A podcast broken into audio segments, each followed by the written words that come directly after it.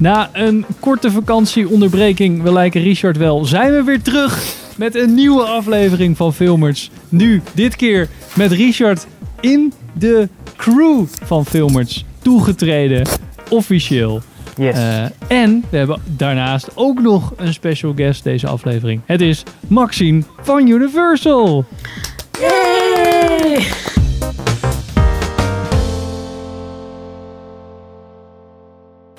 Ja, Welkom bij een nieuwe aflevering van Filmers. Ik ben Henk. Ik ben Sander. Ik ben Pim. Ik ben Richard.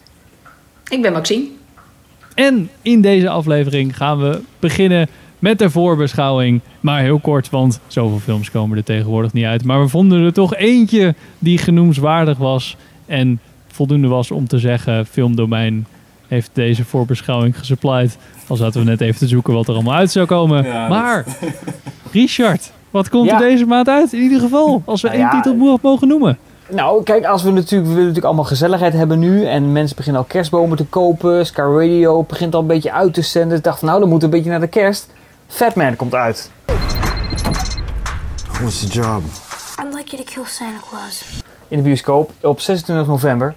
Met, eh, met Mel Gibson in de hoofdrol. Een eh, veredelde kerstfilm. Als ik het eh, goed begrijp op basis van de trailer. In ieder geval. Precies. Eh. Ehm, ja, de film is met Mel Gibson, eh, Walton Goggins. En is gemaakt door Esham Nels en Ian Nels, blijkbaar.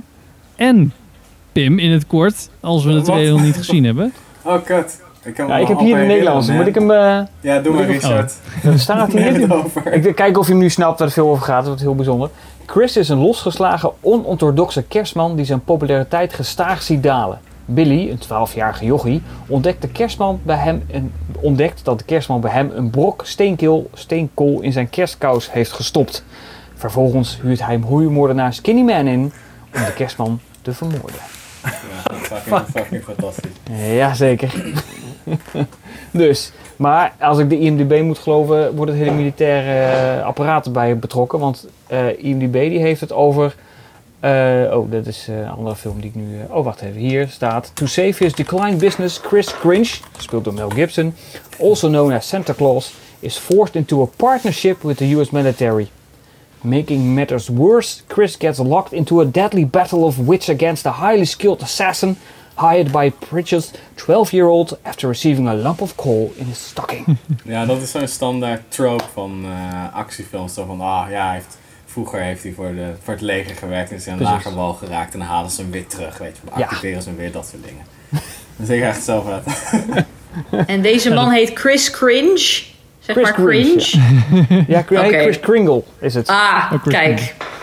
Hij voelde ik- een beetje als, eh, als, als een soort van Rambo-film, een van de latere delen.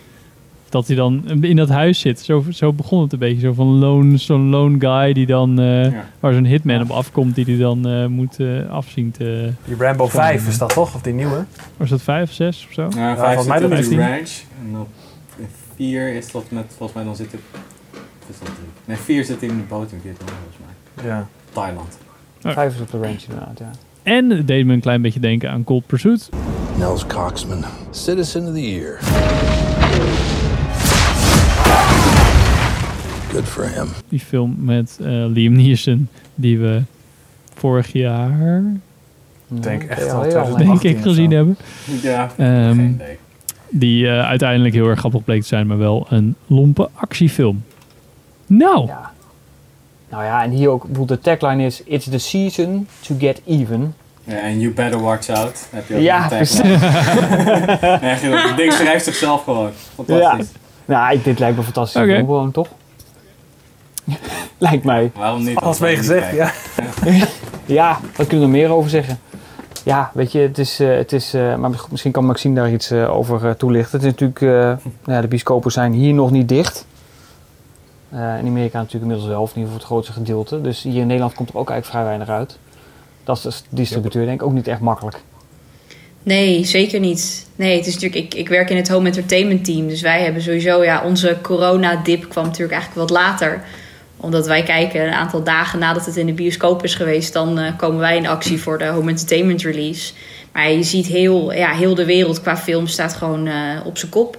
Vooral ook omdat het natuurlijk in Amerika zo slecht gaat. Er wordt steeds gekeken naar nieuwe soorten verdienmodellen. Gaan we het op paté thuis uitbrengen? Gaan we toch wachten totdat we het wel de bioscoop kunnen uitbrengen? En eh, ja, de dingen die je dan hoort van dat er in, ehm, in Engeland dat er veel mensen zijn ontslagen bij die filmketen. Omdat James Bond dus nog niet uitkomt. Gewoon dat het zo afhangt van een, een film die wel of niet uitkomt. Dat, eh, ja, het, ik, ik, ik, ja, we hebben het natuurlijk op, eh, op kantoor ook vaak over. Ja, wij werken dus voor Universal en voor Paramount. En ons theatrical team werkt ook voor Sony Pictures. Dus die hebben ook heel veel verschillende releases. En ja, er, er gebeurt zo ontzettend, eh, zo ontzettend weinig, maar daarmee ook weer zo ontzettend veel. Mhm. Ja. Want het is constant eigenlijk, je denkt van nou komt de release en dan wordt hij weer uitgesteld en dan moet je constant je prioriteit eigenlijk bijstellen. Zeker. Ja, je kijkt natuurlijk naar een jaar waarvan je denkt van nou, ja, het laatst hadden we weer onze presentatie die we in januari gegeven hadden aan onze partners zoals bol.com en zo. Ja, alle mooie dingen van Top Gun en eh, nieuwe Minions en Trolls en dus James Bond. Ja, dat is allemaal natuurlijk opgeschoven. Dus je, je gaat natuurlijk per studio kijken. Dus natuurlijk wat Disney met Mulan heeft gedaan. Ook weer eigenlijk alles op zijn kop heeft gegooid om het dus uit te brengen binnen dat Pivot platform. Ja. En daarbij dus echt voor 29,99. Dat is ook best wel, Fors. doet ook best wel wat met, eh, met, Ja. met de industry. Dus ja, je- er is echt per studio wordt echt gekeken. Maar iedereen is het er wel over eens dat ze film, in ieder geval in de traditionele vorm, dat, ja, dat willen ze aan de ene kant wel in leven houden. Maar het is ook wel tijd om misschien eens te kijken. Nu met alle streamingplatformen en zo die komen, is het niet eens tijd voor wat verandering en wat opschudding. Ja. Ja, wat ik in maand dat je als home entertainment nog harder merkt. eh, de concurrentie van streaming, denk ik. De bioscoop heeft nog het voordeel van het grote doek en het geluid en de ervaring, het uitje. Maar bij home Ja. entertainment is dat natuurlijk anders. Ja, nou, wij hebben eigenlijk gezien dat eh, met name de boxsets, die doen het eigenlijk hartstikke goed. Mensen denken, nou, we gaan, eh, we gaan zitten, we gaan bingen. Dus we hebben bijvoorbeeld eh, de box van The Office, die is gewoon heel erg stabiel. Die gaat gewoon hartstikke goed al een hele tijd. En ja, de nieuwe films die uitkomen. Dus we hebben bijvoorbeeld, dus aankomende maand komt dus voor ons King of Staten Island en The High Note komen uit. Die dus in ongeveer ja, juni, juli uitkwamen in de bioscoop in Nederland toen het allemaal weer open ging. Dus ja, voor ons is het zeker dat we ook wel merken van, nou ja, ook bij ons wordt dan weer gezegd, nou ja, gaan we het überhaupt wel uitbrengen? Een bepaalde ja, editie of een nieuwe titel die uitkomt, gaan we dat überhaupt wel uitbrengen op DVD of op Blu-ray? Of gaan we dus hem eh, maar aan het streaming window geven? Want het is natuurlijk heel traditioneel ingedeeld. Het is een tijdje de bioscoop. Nou, dan heb je een klein momentje voor early electronic sell-through. Dus dan kan je het op iTunes en Google kan je het dan kopen. En daarna komt het dus op Blu-ray en DVD uit. En dan later weer op de streamingplatformen. En, op, eh, en ook gewoon nog op de free TV. Gewoon op, de, op een SBS of op de NPO bijvoorbeeld. Dus het, is, het, staat, allemaal, eh, staat allemaal heel erg op kop. Ja. Het een lastige puzzel. Dat, dat, vooral nu natuurlijk. Nu is het een beetje gedwongen door de hele corona eh, gebeuren natuurlijk. Dat je daar niet echt een, ja, een vinger in kunt hebben. Want ja, het is gewoon zoals het is. Ja, het lijkt, ja me, klopt. lijkt me vrij lastig. Ja, is het ook wel. Weet je, we gaan nu, de, de periode waar we nu ingaan, is de periode wanneer we het ook hartstikke goed doen met Sinterklaas en Kerst. Dus eh, weet je, dat, dat, en het blijft nog wel een periode dat mensen dus graag cadeautjes aan elkaar willen geven. Dus daarin eh, zien we het in ieder geval optimistisch in. Dat mensen nog denken, hé, hey, we zien iets nieuws wat uitkomt. Of we willen iemand een hele gave Hitchcock-box of weet ik veel wat geven. Dat, eh, dat loopt gelukkig nog wel aardig door. Ja, dat verkoopt eigenlijk altijd wel die luxe, luxe boxen. Ja, klopt. Ja, dat vinden mensen toch wel gewoon leuk om eh, neer te zetten in hun huis. Of eh, nou, ik zie het eh, bij jou, Richard, ook al achter. Dat jij eh, Ja. ook al een aantal leuke dingen in je huis hebt staan. Polaria aan de kast. Polaria. En er Nee, is Ja, ook ja, dus dat loopt wel. een platform voor al die specials, toch? Dat, dat, dat blijft nog steeds de unieke en- waarde van, van, van discs, toch? Ja, en ook dus dat, dat bonusmateriaal bijvoorbeeld. Dat je echt nog een beetje dat deleted scenes, behind the scenes... Ja, dat wordt wel eens geript naar YouTube. Maar uiteindelijk is dat ook wel een toegevoegde waarde nog... wat een, een fysieke disc met zich meebrengt. Omdat je dan dus gewoon de ruimte nog hebt om dat te zien. En met iTunes kan je dat ook soms wel eens inzien, maar soms ook weer niet. Dus eh, ja, uiteindelijk is dat ook wel een, eh, zeker een toegevoegde waarde. Maar ja, wij zijn ons natuurlijk ook heel erg ervan bewust dat het gewoon, ja, je hebt inmiddels zo ontzettend veel verschillende abonnementen en kanalen. Dat je dan denkt, nou ja, het, eh, als je dan een filmpje wil kijken, soms vinden mensen de drempel zo hoog van, ja, het is toch wel, het blijft een duur product soms. 19 euro voor een nieuwe Blu-ray, dat is best wel een, eh, Hmm. Dat is best wel flink. Dus ook over dat soort prijzen moeten wij natuurlijk ook kijken. Maar mensen lijken dat helemaal te vergeten als het gaat om een, ja, een Back to the Future of eh, dus zo'n zo'n Hitchcock box of The Office. Dan denken ze, nou, alles in huis, top. Ja, dan weet je natuurlijk Ja. wel van dat je het misschien zelfs nog wel vaker dan één keer gaat bekijken. Dus dan is de, Ja. ja, kan hem wel huren Ja, voor een anders euro, het, andere, hoor. maar kan andere doelgroep natuurlijk ook, hè. Als je zo'n eh, Back to the Future box set koopt, dan ben je gewoon een fan en dan wil je dat ook gewoon hebben. Dat is natuurlijk ook drempelverlagend. Ja. Ja. Ja. ik zal je zeggen je dat ik, voor, eigenlijk. Dat soort dingen. ja, ik zelf koop, ik, ik koop nog best wel af en toe een Blu-ray, maar dat is altijd een film die ik al gezien heb eigenlijk. Dat zijn nooit nieuwe films. Ja. Want ja, Oh, ik weet pas of ik hem wil hebben als ik hem al gezien heb eigenlijk. ja, precies. Ja. En dan Ja. wil je hem hebben vanwege het, eh het go- goede resolutie of eh, wat? ja, ik weet, Waardoor weet ik dat je niet het? eens. Ja, ik ben gewoon, ik heb je een soort innerlijke verzamelwoede. Ja. ik wil hem dan gewoon hebben. Ik heb inderdaad die, die Blu-ray set van, van Back to the Future heb ik toen ook al een keer gekocht. Toen wilde ik hem toevallig kijken en denk, nou dan koop ik dat ding. Want die was toen 20 euro of zo. En eh, ja, weet je, dan, dan heb je hem gewoon. En dan kun je hem gewoon inderdaad, eh, de jaren daarna kun je hem gewoon kijken. Ik heb een tijdje gehad dat ik dat ding ieder jaar of zo keek. Mhm. Maar ik Ja, kan me je, voorstellen dat dat een generatieding ook is. Kijk, wij zijn natuurlijk opgegroeid met fysieke media, dus met videobanden. Die heb ik, daar heb ik ook eh, 400 van gehad. Die zijn inmiddels ook weg. Dat is allemaal vervangen door DVD. Nog sta ik natuurlijk alle DVD's te vervangen voor Blu-ray. Dat is wel waar. Ja. Dat Ja. is natuurlijk wel, eh wel dan sommige 4K's natuurlijk. Je moet Ik Jurassic denk dat we trouwens ergens wel met, steeds 4K eh, met 4K Blu-rays dat we misschien wel de la- het laatste fysieke medium te pakken hebben. Of anders misschien wel de ene laatste. Mhm. Ja, dat zou best Ja. kunnen. Ja, misschien. Ja. Ja, en je ziet natuurlijk ook dus met de hardware die nu gemaakt wordt vanuit de, ja, de producenten van ja, een Apple of een Dell of dat soort dingen. Ja, wanneer heb je nog een laptop waar, echt, waar je zo'n disk eh, nog in kan Ja. doen? Mooi Dus van. je ziet dat de mensen die uiteindelijk, waar wij het, het, ja, het meeste, onze doelgroep zijn echt de mensen die ook thuis een gameconsole bijvoorbeeld hebben. Omdat je daar dus nog wel een Blu-ray mee af kan spelen. Of dus nu met de nieuwe PlayStation. Dat je daarmee dus ook de 4K's kan, eh, kan afspelen. Maar dus uiteindelijk is dat ook weer het, het, het fysieke ja, nadeel. Dat dus de hardwareproducenten denken, nou ja, hè, dat, eh, we, hebben, we willen zo klein mogelijk. Dus wat slopen we er weer het eerste uit? Natuurlijk zo'n disc. Ja, dat is Ja. natuurlijk wel dat bij de PlayStation natuurlijk gewoon de discussie geweest, bij Xbox trouwens ook. Omdat natuurlijk zodra ze dat ding, dat de wilden ze natuurlijk eruit slopen, die discs. Alleen toen zeiden al die winkels van ja, maar wacht even, dan kunnen wij geen software meer verkopen. Dus wij verkopen dan jouw PlayStation ook niet. Dus dan is dat natuurlijk een Ja. beetje teruggedraaid. Xbox heeft het nu gedaan, hè? die heeft een, een, een, een, versie Ja, met- maar wel twee versies, dus het kan altijd nog.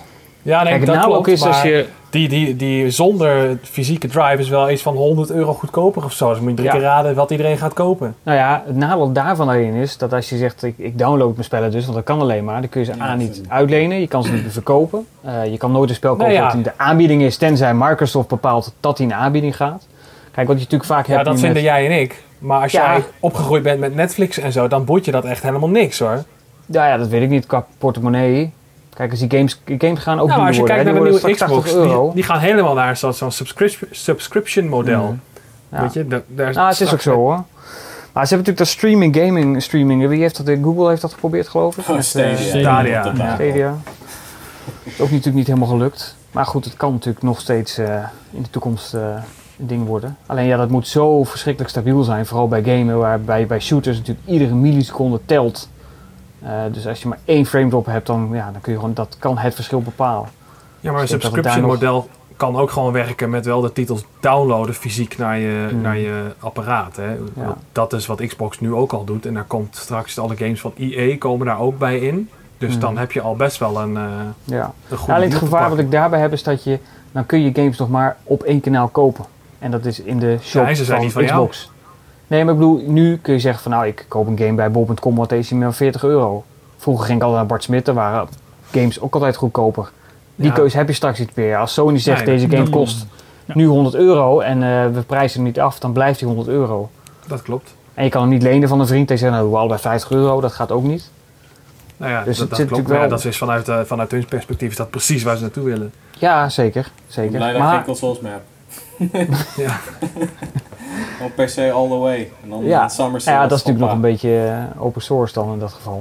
Dan kun je een beetje concurreren, maar eh, dat gaat op PlayStation lastig. Maar volgens mij eh, gaan we... op topic, zijstraatje. ja. We gaan naar Hearts, wiebelen, dus, Zijn we gamers nu? Gamers, ja. Maar, maar, maar, over Blu-rays gesproken. Om even mijn eigen segue te maken. Ehm, over, eh, als je deze aflevering hebt gekeken, misschien kan je dan ook wel naar ons kanaal. En dan vind je daar onze Back to the Future. Anders moet je weer even terug in het verleden of naar de toekomst. Eh, onze Back to the Future special aflevering, ook met Maxine. eh, gaan we helemaal hebben over eh, de Back to the Future trilogie. Want Universal heeft een hele vette nieuwe eh, 35 jaar anniversary editie van Back to the Future.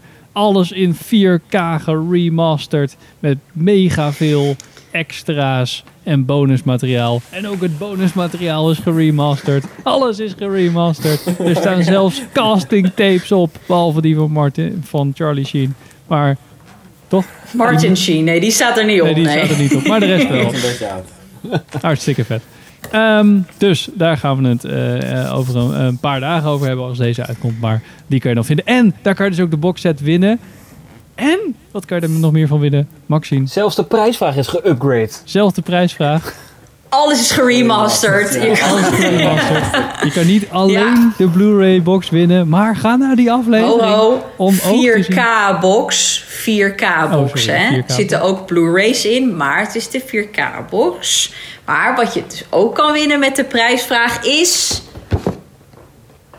Deze speciale Funko Pop van Doc and the Clock Tower met, het, eh, met de lightning bolt. En de klok die staat op... Richard, hoe laat staat de klok? Vier minuten over tien. Precies, Weet ik inderdaad. Dat weet jij toevallig, Ja. uit je hoofd, dat is Komt insane. schiet er wel even binnen. Ook voor deze inside mijn- joke, luister naar de vorige aflevering, naar de Back to the Future aflevering. Ja, precies. Ehm, ja, dus een speciale prijs erbij. voor mijn technische informatie, is een 4K Blu-ray anders dan een normale Blu-ray?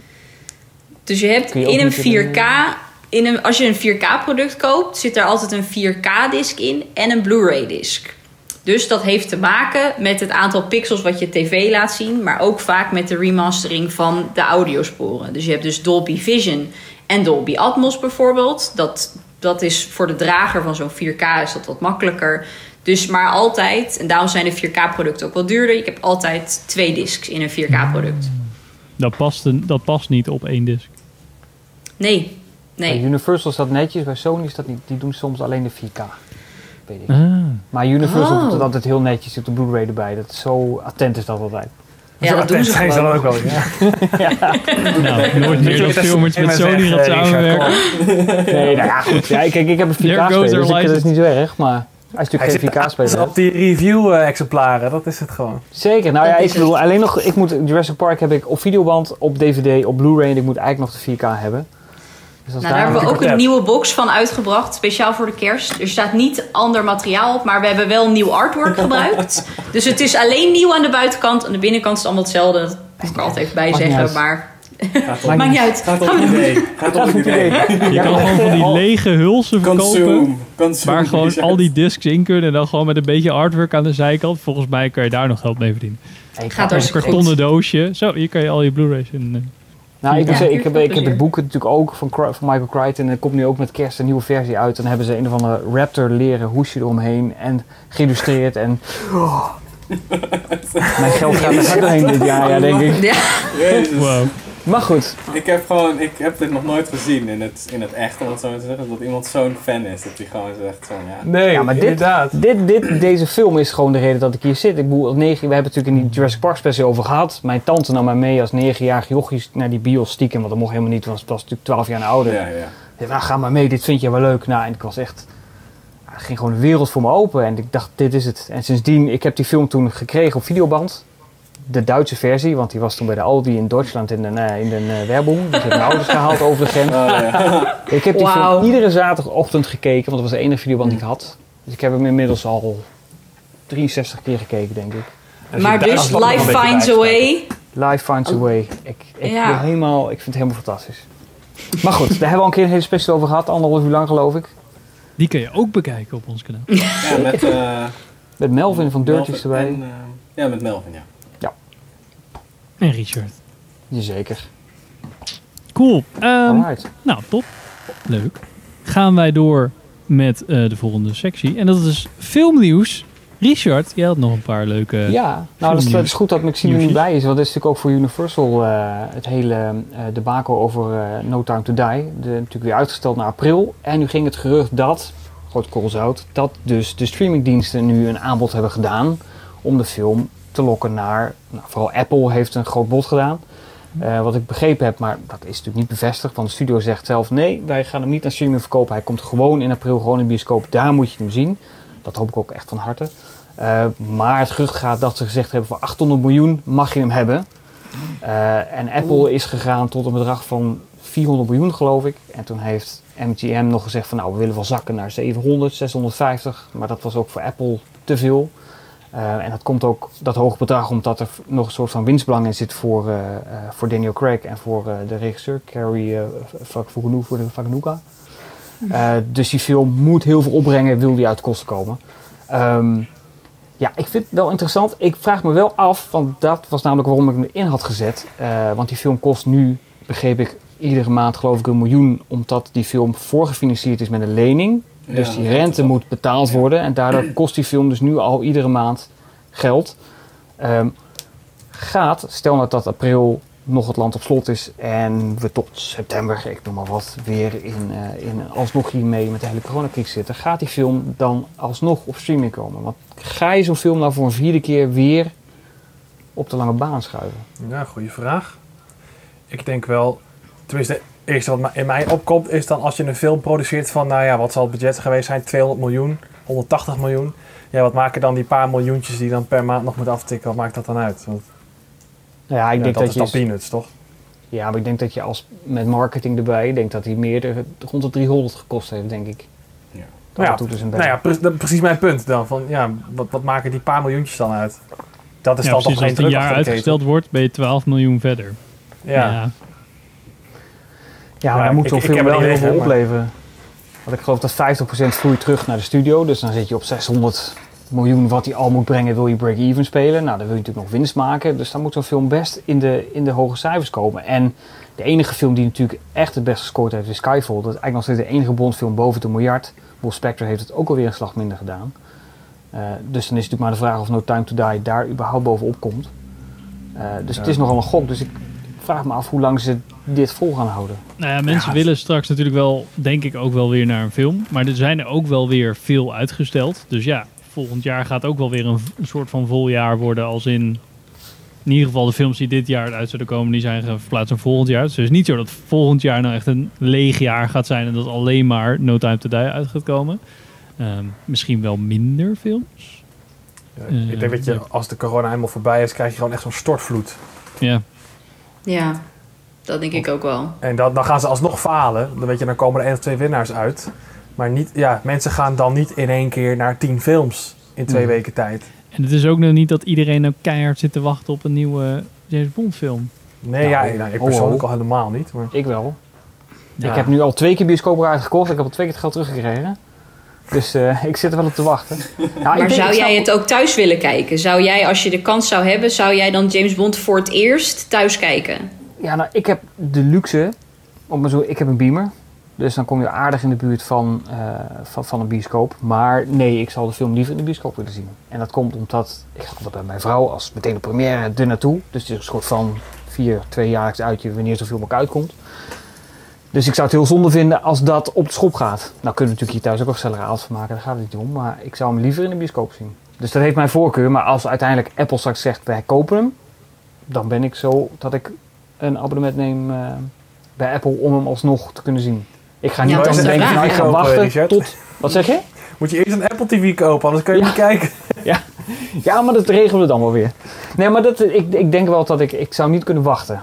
Ik zou... Ik, maar ook met het gevaar van internet, dat alles al straks op het internet staat, hoe die film verloopt. Ik Dat is nu al een beetje, nu lekker er ook af en toe dingetjes van, ah, dat, eh, hoe heet die, die rol van eh, Remy Malek weer met het verleden te maken heeft. En ik denk, oh, dat wil ik allemaal nog helemaal niet weten. Dus dat gevaar zit er nu al een beetje in. En natuurlijk als die Ja. film straks uit is, ja, dan gaat dat natuurlijk helemaal los. Ja, dat is natuurlijk super zonde. Tenminste, ik zou dat heel zonde vinden. Dus dan zou ik hem daarom gewoon willen zien. Dat ik in ieder geval het verrassingseffect heb. Dat ik in ieder geval echt van die film kan genieten.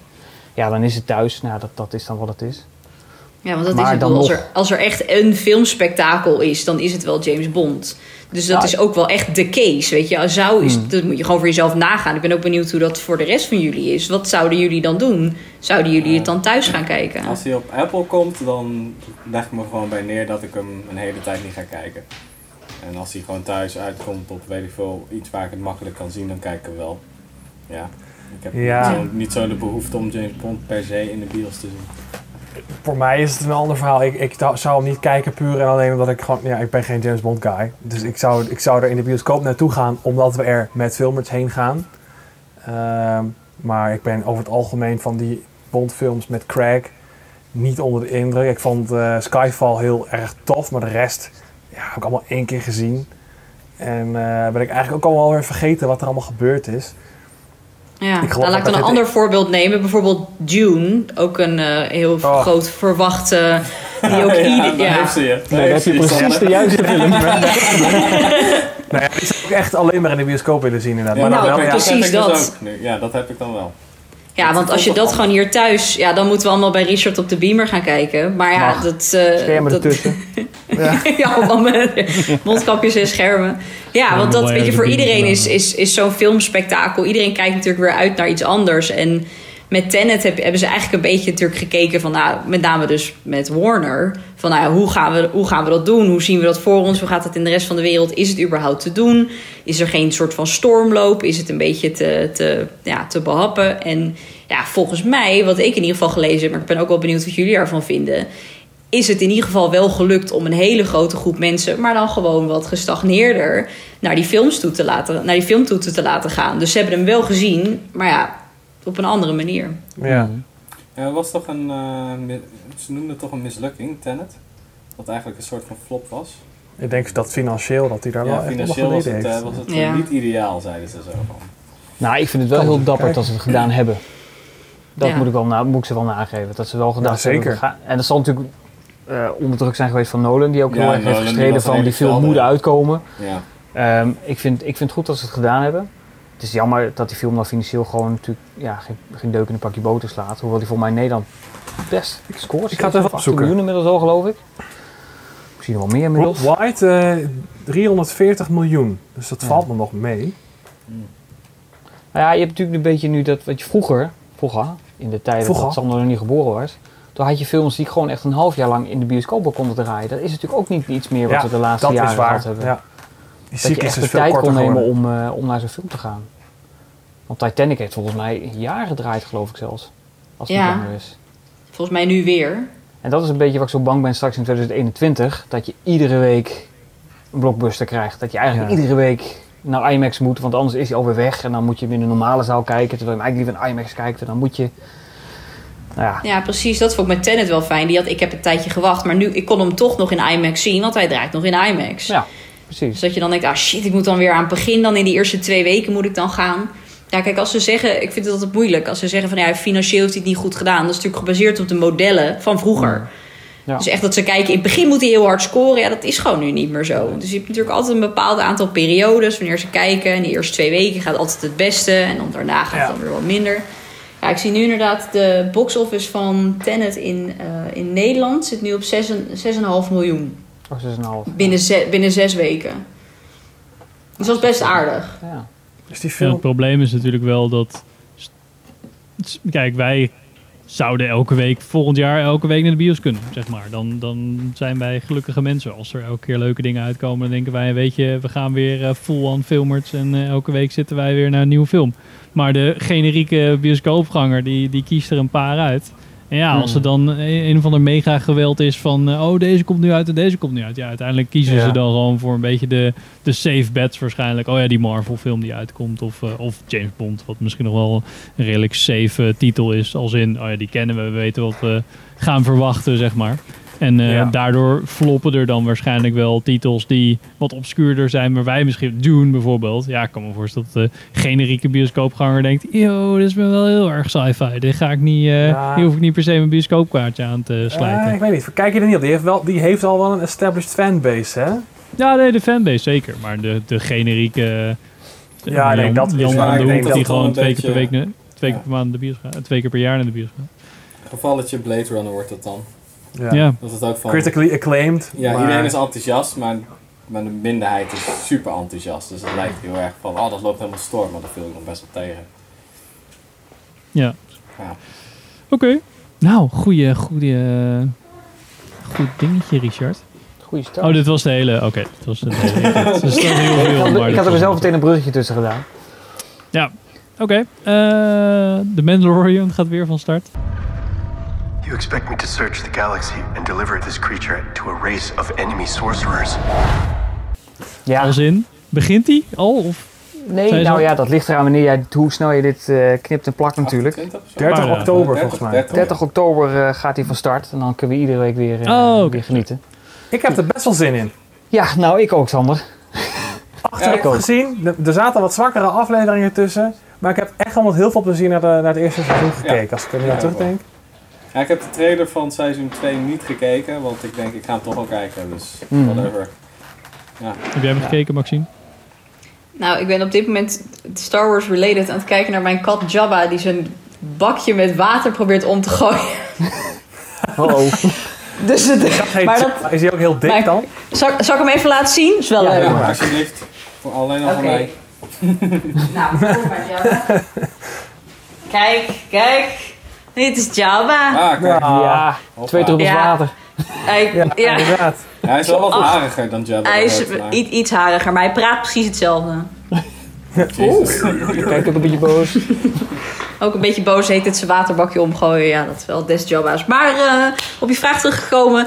Ik heb Mandalorian nog niet gezien. Oh. Ja, ja ik weet niet. Ik, eh, ik ben er gewoon nog niet aan begonnen. Goede buzz die ik hoor. Maar eh, ik denk dat ik misschien... Ik moet er gewoon eventjes weer voor, voor gaan zitten. En ik heb nu zoiets dat ik een beetje de... Dat ik denk, ja... Ik, had ik aan het begin eigenlijk maar moeten beginnen. Is het nu nog de moeite waard om het allemaal achter elkaar te kijken? Wat vinden jullie? Ja, het is Ja. ook maar zeven afleveringen. Ja, en een 20 minuutjes Dus- per stuk, joh. Dus, eh, Je kan het Oh. kijken Nee, voordat het Of 30 volgende minuten, seizoen ja. begint. Ja, Ja, Als je dat nu klopt. begint, dan ben je morgen om 8 uur precies klaar als... Kan je er eigenlijk Nee, een joh. boxset van kopen? is de is er klaar. een Mandalorian boxset? Ik denk, nou, Disney heeft natuurlijk nu hun, eh, nou, voordat ik weer eh, al mijn eh, kennis over de business deel. Disney heeft een hele, hun, hun home entertainment strategie is heel erg veranderd sinds Disney Plus natuurlijk. Want voor hun is het veel rendabeler, gewoon je mietert het op dat platform en dan kijken mensen wel. Dus om, want het is ook om een product te maken en te distribueren zitten best wel wat kosten aan van zo'n home entertainment product. Dus zij kijken gewoon naar een aantal releases en dat brengen ze dan uit. Maar met Mandalorian, volgens mij is die niet fysiek uitgekomen. Juist omdat ze dus willen dat mensen die de subscription nemen voor Disney+. Plus. Een beetje die Ja. exclusiviteit eh, behoudt. Ja, ja, dat denk ik wel. Ik was even vind het op op zich ook wel kijken. redelijk maar- exclusief om op een disc te kopen hoor. Nou ja. Nou ja, maar ik snap het wel, want het is de Netflix-strategie. Die hadden in het begin House of Cards en zo. Zij willen natuurlijk dat je voor bepaalde eh, eh, series en films moet je naar Disney+. Plus. Dat is gewoon de enige plek waar je dat kan kijken. En dat je ondermijnt jezelf, je eigen strategie, als je het dan vervolgens ook op Blu-ray gaat uitbrengen een paar maanden later. Ja, Ja, precies. We kijken echt naar de long game. Ja, House of Cards kan je trouwens wel op eh, Blu-ray kopen. Ja, goed. Ja, maar dat is een beetje de Inmiddels. uitzondering aan de regel. Of op de regel. Dat was natuurlijk het begin van Netflix. Toen deden ze dat nog. Daar zijn ze nu wel helemaal van afgestapt. Dat was natuurlijk Ja. vooral voor mij voor een stukje bekendheid. En, eh, Sander gaf als argument House of Cards. Verdomme. ja, maar dat wilden we laten passeren, maar dat kan niet meer. nee, maar dat is wel waar wat je zegt. Maar eh, nee, ik denk dat de Mandalorian blijft inderdaad gewoon exclusief op Disney+. Plus. Dus je Ja. moet hem toch Ja, wel blijven eh, Als ik. Disney was, zou ik dat ook doen. Want dat is een beetje Misschien als de serie zo. afgelopen is of zo. Dat ze hem dan Ja, in, in een box Ja, een uitbrengen. paar jaar later. met allemaal behind the scenes shit. Hoppa. Nou ja, je zegt Met het nu zo'n, met die eh, behind the scene, want dat doet Disney Plus dus wel. Die geeft van hun films de, je kunt eh, op Disney Plus gewoon ook extra's kijken. Ja. Dus dan Oh, hebben cool. ze, ja, de trailer, daar heb je natuurlijk nooit, dat weet ik niet waarom dat erop staat, want dat voegt nooit wat toe. Ja, dat is altijd zo. Maar af en toe Ja. een keer een making of of een korte feature of een interview, dat staat er wel op. Dus, eh, en volgens mij hebben de Mandalorian zelfs hebben ze een complete serie gewijd aan de making of The Mandalorian. Dus je kunt, nou ja, je kunt helemaal los. Nou, de trailer is wel handig om niet te switchen van, eh, hoe heet dat, platform. Stel dat je gaat, oh, zullen we deze gaan kijken? Oh, waar gaat die ongeveer over? En sommige mensen vinden het dan wel fijn om even Ja, een maar trailer hetzelfde te als je- Maar hetzelfde als je een Blu-ray koopt of een DVD en er staat de bonus op en dan staat er de trailer. Dan denk ik, ja, Ja. Ja, precies. daar dat kan is je helemaal niks mee. Die trailer hebben ze toch al liggen, dus dan, ja, dan zetten ze hem er maar op. Ja. op. Nee, is, dat is waar, maar dat is altijd zo. Dan denk ik, ja, daar voegt echt helemaal niks Ja, die oude Nee, trailers dat- vind ik altijd wel gaaf. Als je dan zo... In a world. En dan Ja, die, dan die, Ja. die nu echt zo cliché voice-over. Dat is zo. Ja. Ja, inderdaad, die oude trailers, ja. Ik weet dat ik daar vroeger mijn geluidset altijd mee testte. Daar had je van de Mummy Returns. Die had, eh, had je ook een heerlijke foute trailer. En dat ook met die stem... eh even zijn naam kwijt, hoe die man ook weet. Ja, ja, Die, ja. al die, Brandon Maar dat Fraser. guy altijd, hè? ja, ja, die, ja nee, die man die die voice-overs altijd deed, die trailers. Oh, dan had je inderdaad oh. die... Er knalde die muziek erin en ook Brandon Fraser, Rachel Wise, John Hanna. En al die namen kwamen erin en dan, dan, dan die muziek. dat was fantastisch.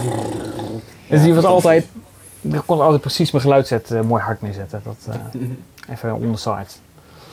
Dus eh, daar, daar gebruikte ik de trailer voor. Maar tegenwoordig weet ik niet waar die erop staat. Maar in ieder geval, hij begint weer de Mandalorian. Dus, dus Kijk, kijk weer voor Disney Plus, jongens. Nice. En als laatste, shout-out to Cinemaatjes. Want Ja, ze hebben hun 150ste aflevering. Dat ik dacht van, nou, Ah. volgens mij moeten zij hebben ons gefeliciteerd toen wij vier jaar Oh ja. compleet Ja, waren. ja. Nou, zij hebben hun 150ste aflevering gemaakt. Eh, ik weet niet, Maxime, ben je bekend met de Cinemaatjes? Nee. Nee? Nou, Nee. het zijn twee, het zijn eh, JP en, eh, en William. En die, eh, die recenseren iedere week één film. En dat doen ze precies in 10 minuten. Eh, en dat zijn de wat obscuurdere horrorfilms. De films die je niet zo 1, 2, 3 uit de kast pakt. En eh, dat ga- gaat gepaard met heel veel humor. En, eh, en JP is filmmaker, dus dat wordt geëdit met van alles en nog wat erin. Het is soms te flauw, maar het is wel ontzettend grappig. En dat hebben ze al 150 afleveringen volgehouden. Dus eh, ik dacht, nou, dan moeten we toch even Chapeau. noemen onze collega's. Dat ze dat toch eh, even een shout-out eh, verdienen, vond ik. Maar dat is allemaal horrorfilms dan. Ja, nou, ze, ze doen ook andere films. Dus Lighthouse hebben ze gedaan, Joker hebben ze gedaan. Dus ze pakken wel wat verschillende titels. Eh, alleen ze willen vaak een titel eruit pikken die je niet zo snel zelf zou pakken of die je kent. Ja, dat je weer op een film wordt gebracht. Hé, hey, die is er ook nog. Ja. Dus, eh, maar goed, Inspiratie voor eh, Halloween. Ja, nou ja, dat hebben ze net ook gedaan. Hebben ze de John Carpenter maand hebben ze het eh, omgedoopt. Dat ze iedere week een John Carpenter film hadden. Of John Carpenter gerelateerd. Dat is ook een grote held, dus dat kwam ook mooi uit. En zo hebben ze die films inderdaad met het oog op Halloween eh, eh, de afgelopen weken eruit gepikt. Dus eh, Ja, die zou ook uitkomen hè, rond deze tijd. Die eh, Halloween Kills. ja, Is dat is waar. Die? Die zou eigenlijk ook nu uit zijn gekomen. De Jamie Lee Curtis weer. eh, dat Ja, was dat twee tot en met zoveel werd genegeerd, toch?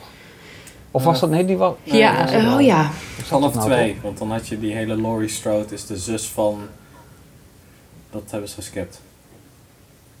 Van Michael Myers. Ja.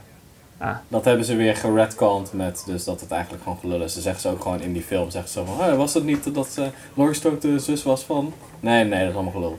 dat zegt ze gewoon letterlijk in die film. Oké, we branden de rest van die vijf films branden we nu af. En dan kunnen we gewoon verder. En we gaan weer door. Ja, wat Ja. eigenlijk Terminator ook heeft gedaan. Oh ja, Ja. oh ja. Ja. drie bestaat niet. Vanaf drie bestaat niet meer. Nee, terwijl 3 nog niet zo heel slecht was. Nou ja, was oké. Ja. ja, ik heb vooral die film van eh, Master Movies. Daar heb je die Nederlands nagesynchroniseerde versie. Oh man, jezus, dat is van de past. Ik heb zo'n The Rise of nostalgie the Macho Man. Ik kan nooit meer, ik kan nooit meer fatsoenlijk naar Terminator kijken sinds die jongens dat, eh, wat is het, eh 10 jaar, 15 jaar geleden die film helemaal Dat is wel hebben grappig. tot... Dat heeft echt gewoon, dat heeft echt impact gehad op de Nederlandse cultuur van Ja, een hele zeker. generatie. Ja, van Ja. alle middelbare scholen en basisscholen, daar ging het er gewoon over. Echt, de, de Ja. Village People, als ik dat hoor, dan Ja, is het De Village People. Dat herinnert dat hangt zo aan Denk elkaar. meteen aan Michael Nicht, ja. Ja, ja. Kleuterjuli. Memory. Born to be alive. ja Dat is toch van. The Village People? De Let me come down Wikipedia-pagina over wat ze allemaal De tweede video hebben ze trouwens Als ze gemaakt ergens een hè? remaster van moeten maken, dan is het wel... Doe even een boxset van alle master movies. Zo, dat zou fantastisch zijn, hè? Hoe leuk zou dat Vier bij zijn? Ja, ze hebben 4K. toen dat eh, bij stem- Stemmen van Toen heet dat kanaal volgens mij op YouTube. Zijn ze een aantal jaar geleden waren ze Ja, daarop. Dat was dat echt klopt. eh, heel leuk om te zien. Ja, lang geleden ja dat was het echt nostalgie-tv iconisch, hè? geworden. Ja, als je daarnaar kijkt voel je je zo oud. Dat je echt denkt, oh mijn god, het is echt... Ik dat, voel me al mijn 2000 hele leven oud, dus dat scheelt. Ik denk dat dat 15 jaar geleden is, ja. 2004, I was born 2005. old. Wow. Ik weet wel dat die, die, Ja. een van die gasten had toen filmacademie volgens mij gestudeerd. Ja, die Marijn heeft toen de filmacademie gedaan. Ja, en als Ja, eindfilm heeft hij dan een short gemaakt waarin eh, gasten een pornofilm aan het opnemen waren. Maar die regisseur die was dan heel erg van nee, er moet meer emotie in. En dan uiteindelijk Oh. bleek het een pornofilm te zijn. Hij is nu... eh, hij maakt nu elektromuziek samen met die Tobias, eh, waar hij ook de filmacademie mee heeft gedaan. Hij heeft ook echt best wel succes. eh eh, Weevil heet het. Best wel vette muziek. Nice. Ja. Nou, cool. Nou, gaan we nu eh, door. Jezus, een zijpaad allemaal. Ja, precies. Naar de, ja, de praattafel. dus... ja, ik kan het zo volgen. Ja. Ehm, Maxine, de praattafel is waarin we eh, even vertellen wat we allemaal gezien hebben. Eh, eigenlijk kiezen we elk nieuwe format is dat we kiezen van elkaar waar we iets over willen horen. Eh, jij ziet de lijst niet, helaas, maar wij wel. En dan eh, kiezen we dus eh, waar we iets van willen horen. Ehm, doen we Sander voor Pim en, eh, enzovoorts? Ja, dat is goed. Ik of we geven eh, Maxine even de, de keuzes bij Sander. Kan ze iets kiezen. Dat kan ook. Ze Ja, daar ik meer over horen. je mij niet uitnodigen voor de doc nu, voor als, eh, als gast? Gewoon live Heel makkelijk bij je web WhatsApp, eh, Maxine. Eh, ja. We dit eruit zo. Kijk, ik heb nog vijf. kan ook even een screenshotje sturen, toch? Nee, komt ie. Zo. Dat is denk ik makkelijker. Oké. Klik, klik. Klik, klik. Live, live. eh dit ja, we lullen het fantastische vol. podcast wat we nu aan het doen Oké, zijn. Wat een even vervelend weer, hè? praattafel. Ja. Dan plak je hier zo'n trailertje overheen. Leuk. Ja, precies. Universal Oké. logo, even zo de intro. Ja, de, zo. nee, de trailer van deze aflevering. Dat is niet Universal, hè? Maakt niet uit. YOLO. YOLO, ja. Was, ik wilde jullie even scherp houden. Ja, heel goed. Maar eh, wat moet ik doen? Ben je erin? Ja, ik zit in het Oké, bestandje. onderaan hebben we bij de praattafel hebben wij eh, lijsten met eh, wat we allemaal gezien hebben de afgelopen periode. En eh, nou, jij mag beginnen bij eh, wat Sander eh, gezien heeft. En daar mag je er één titel van uitkiezen waar je graag iets over wil weten. Of nou ja, waar, je, waar je interessant Nou. genoeg vindt om eh, iets over te weten. Ja. Eh, nou, ik zie Mulan ertussen staan. Oh boy. Going to make men out of every single one of you. Ja, daar Ja, gaan we. echt de goede titel eruit gepikt, inderdaad. Daar wilde ik het echt even over hebben. Maar is het een ja. tekenfilm? Ik ben wel Hebben, hebben hoor. meer mensen, meer mensen hem gezien al? inmiddels, Nee, ik ga, er- ik, ik ga er niet aan beginnen. Ik, eh, oh mijn god. Heb Ik jij hem al wacht tot de kerst. Ik heb hem gezien. Oké. Nou, Nou, ik vond Ja. het echt... Ik had verwacht dat het... eh, ik vond de trailer er verrassend goed uitzien. hebben we ook wel eens besproken in de, in de aflevering van... Nou, voor een Disney live-action remake... Zag er best wel uit alsof het nog potentie had. Het acteerwerk was niet super of zo, dat kon je al wel zien. Maar ik vond, ja, ik weet niet, ik vond de setting tof en eh, ja... Ik, kan- ja ik, ik keek er wel naar uit op zich. Mhm. En nou ja, ik keek die film, ik zette hem aan. En echt na vijf minuten al, je hebt een openingsscène dat zeg maar een jonge Mulan als klein meisje echt zeg maar over daken rent en zo. En dan echt als een soort van wire fu genius eh, van het dak afspringt, achter een of andere kip aan. Nou, en dat zag er al zo trash uit. Ik wist gewoon toen al van dit, dit wordt gewoon helemaal niks. En dat heeft zich eigenlijk de hele film eh, doorgezet. Dat is echt, echt heel slecht. dat vernietigt Ja. ook gewoon het hele idee van Mulan, als in van de tekenfilm. Ja, maar het is ook. Ik, ik zat ook laatst dat ik, ik had hem gekeken en ik, ik voelde me gewoon helemaal leeg daarna. Ik dacht, ja, wat heb ik nou uiteindelijk zitten kijken? Ik denk, nou ja, oké.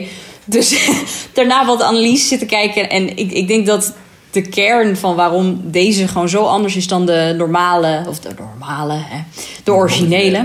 Inderdaad. ehm, die, de originele heeft inderdaad nog de, de liedjes en het kleine draakje en dat soort dingen. Maar heeft een character development.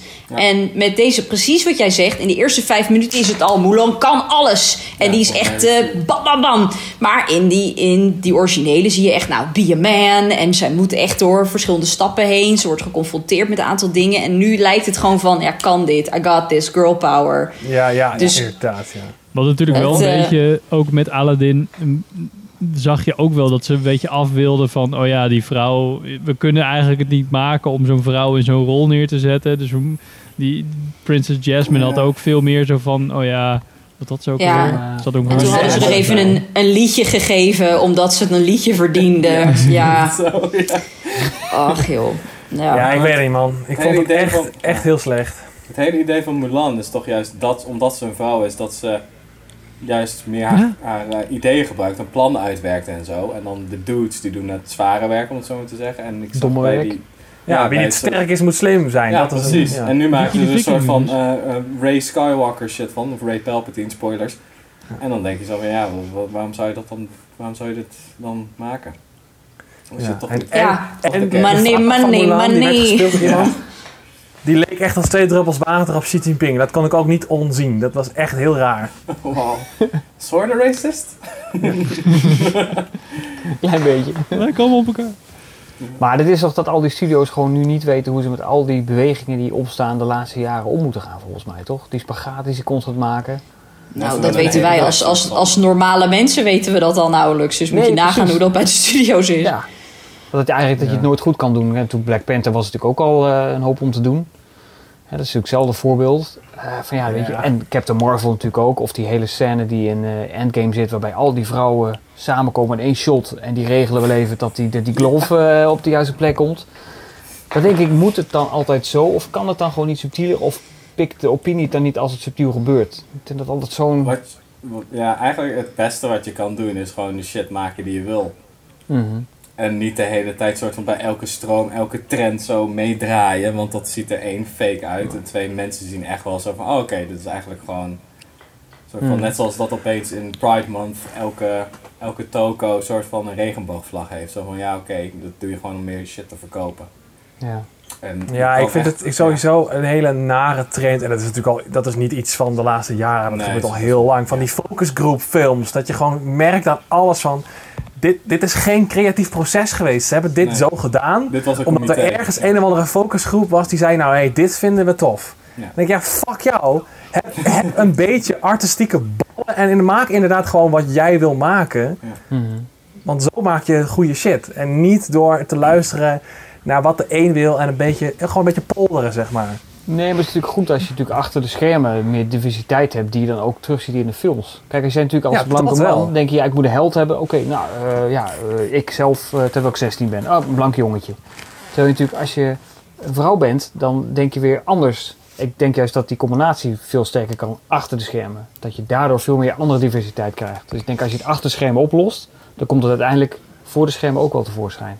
Ja, En dan minder- ja. Eh, zoals een Black Panther of als een Captain Marvel. Van, het moet er Ja. doorheen. Kijk, deze film is helemaal door vrouwen gemaakt. De regisseur, producent, bam, bam, bam. Met En dat moet er Angels af. Ook. Ja, dat is En ik denk zoals, zoals, zoals Frozen, dat is natuurlijk eh, Chris Buck en Jennifer Lee. Dat is een man en een vrouw. En het is wel een hele mooie tekenfilm geworden. Het is een hele mooie animatiefilm met allemaal verschillende lagen, allemaal verschillende karakters. Eh, niet van het is een jongensverhaal of per se een meisjesverhaal. Weet je, Ja, dus als je, ja. dat, dat vind ik een goed, dat vind ik een goed voorbeeld van als je dus achter de schermen eh, varieert, dan toont zich dat dus ook zich. blijkbaar uit in de film Ja. zelf. Nee, ik ben nog steeds gaat- van, de, ja. van de oude stempel van je maakt gewoon een goed personage en dan maakt het niet uit of een man of een vrouw is binnen natuurlijk een soort van. Het moet, je moet natuurlijk niet een soort van. ehm, eh, een ja, ik, ehm, ik neem altijd het voorbeeld van Alien. Dat is gewoon het perfect, het perfecte voorbeeld van een Mhm. goed personage. En Ellen Ripley is een vrouw. Of Samus van Metroid Prime. Oh, ze is een vrouw. Lara Croft is ook een goed voorbeeld. Van Kim Wexler van fucking Better Call Saul. Vind ik echt Ja. een van de beste, Ja, beste een van de beste personages. personages ooit, ja. Dat soort dingen. En kijk, als je, als je je focust op goede character development en je maakt het of een man of een vrouw, dan gaat het niet om alleen het uiterlijk van, oh, het, het is een vrouw of het is een man en daarom vind ik die persoon interessant, of is een zwarte man of een zwarte vrouw of whatever. Het gaat ervan om, oké, er zijn bepaalde idealen in iemands persoonlijkheid die ik wil kopiëren. Dus ja. Ik denk dat... En het is ook, het is representatie natuurlijk ook, hè, weet je, dat je natuurlijk als, als, eh, ja, als Aziatisch meisje, dat je dan kijkt naar Mulan en denkt, wow, oké, nou dit is dus blijkbaar ook mogelijk. Dus dat die films dus wel gemaakt worden, zodat er echt veel voorbeelden zijn in de maatschappij. Dat het niet alleen maar vanuit één kant is, maar dat er dus echt verschillende dingen natuurlijk worden laten zien. En dat is natuurlijk ook, juist ook wat Richard zegt, achter de schermen. Is dat natuurlijk ook heel belangrijk. Dat je dus ook merkt dat je dat soort dingen dus ook kan doen. En dan komt dat vanzelf, wordt dat natuurlijk steeds groter. Ja, ja je kan dan ook. ehm, het is, wat je nu merkt is dat ze heel erg ondiep kijken. Zo van, oh, we moeten een zwart personage erin hebben. Niet zo van, oké, Mhm. hoe kunnen we iets, een goed personage pakken die een andere afkomst heeft of zo. Ja. Dat is een beetje het probleem. Want je kan, nu eigenlijk, je kan over elke tijdsperiode nu gewoon een goede film maken. En niet gewoon alles in, elkaar, in alles in elkaar jammen van oké, we maken nu eh, Koning Arthur maken we nu zwart. Dat is zo van hoe Hmm. groot is die belediging? Zo van oh, omdat hij nu zwart is, zijn, zijn, is eh, de zwarte bevolkingsgroep er wel in geïnteresseerd. Het klinkt allemaal zo, eh, het is allemaal zo respectloos. Ja. Nou, denk ik wel, dat, dat gevoel heb ik altijd, dat als je zegt van dat, dat ligt ongeveer hier, dat niveau, en we zijn nu heel erg aan het pieken van vrouwen en, en, en gekleurde mensen, dat zwakt straks weer af tot hier, want dat is altijd nog beter dan dat het was. Dus je je moet moet denk ik wel ja. even pieken nu, in, in die, eh, met een Black Panther, Captain Marvel, en dan zakt dat wel weer af, maar dan heb je het altijd nog beter dan, dan dat, Dat is het... het, tegengeluid, weet je. Dat is echt die chaosperiode. Dat is gewoon altijd die curve. Het moet eerst altijd even losgaan en dan eh, stabiliseert dat zich weer. En dat merk je natuurlijk ook door... Ja, ik weet zeker dat jullie hier allemaal wel een mening over hebben... maar die nieuwe regels dat je alleen maar een Oscar voor Best Picture kan winnen... Ja. als dus eh, zoveel procent van de Ah. crew en de cast... eh, Ja, iemand van een, een minority eh, bevat. Dat is Ja, dat is natuurlijk eigenlijk ook weer zo'n... symptoombestrijding. eh, ja, ja, dat ben ik wel met je eens. Het is natuurlijk hartstikke goed als je kijkt gewoon naar uiteindelijk de, de resultaten die eruit komen, puur kwantitatief. Van nou, inderdaad, zoveel procent vrouwen, zoveel procent eh, van Aziatische afkomst en dat soort, eh, dat soort zaken. Maar ja, het- misschien doet dat wel af aan, aan het verhaal wat je uiteindelijk wil vertellen en hoe. Ja, en het is ook niet zo dat. ehm, ja, het is, je gaat er dan altijd vanuit dat we dan van, oh, oké, we moeten precies de helft aan deze bevolkingsgroep hebben, of dit, of deze seksen, of deze. En dan zit je altijd af te vragen, ja, maar oké, dan zit je mensen niet te forceren om ergens. Het is, ja, je kijkt, je kijkt er eigenlijk van de verkeerde kant. Van oké, we kijken nu naar de cijfers, we moeten zoveel hebben. Dus niet van hoe, hoe krijgen we dat organisch of willen Mhm. mensen dat überhaupt wel? Wat wil eigenlijk die bevolkingsgroep zelf? Kan je ook vragen natuurlijk. En niet alleen de minderheid die schreeuwt omdat ze mensen willen betrappen op een of andere ongeschreven sociale regel op Twitter of zo.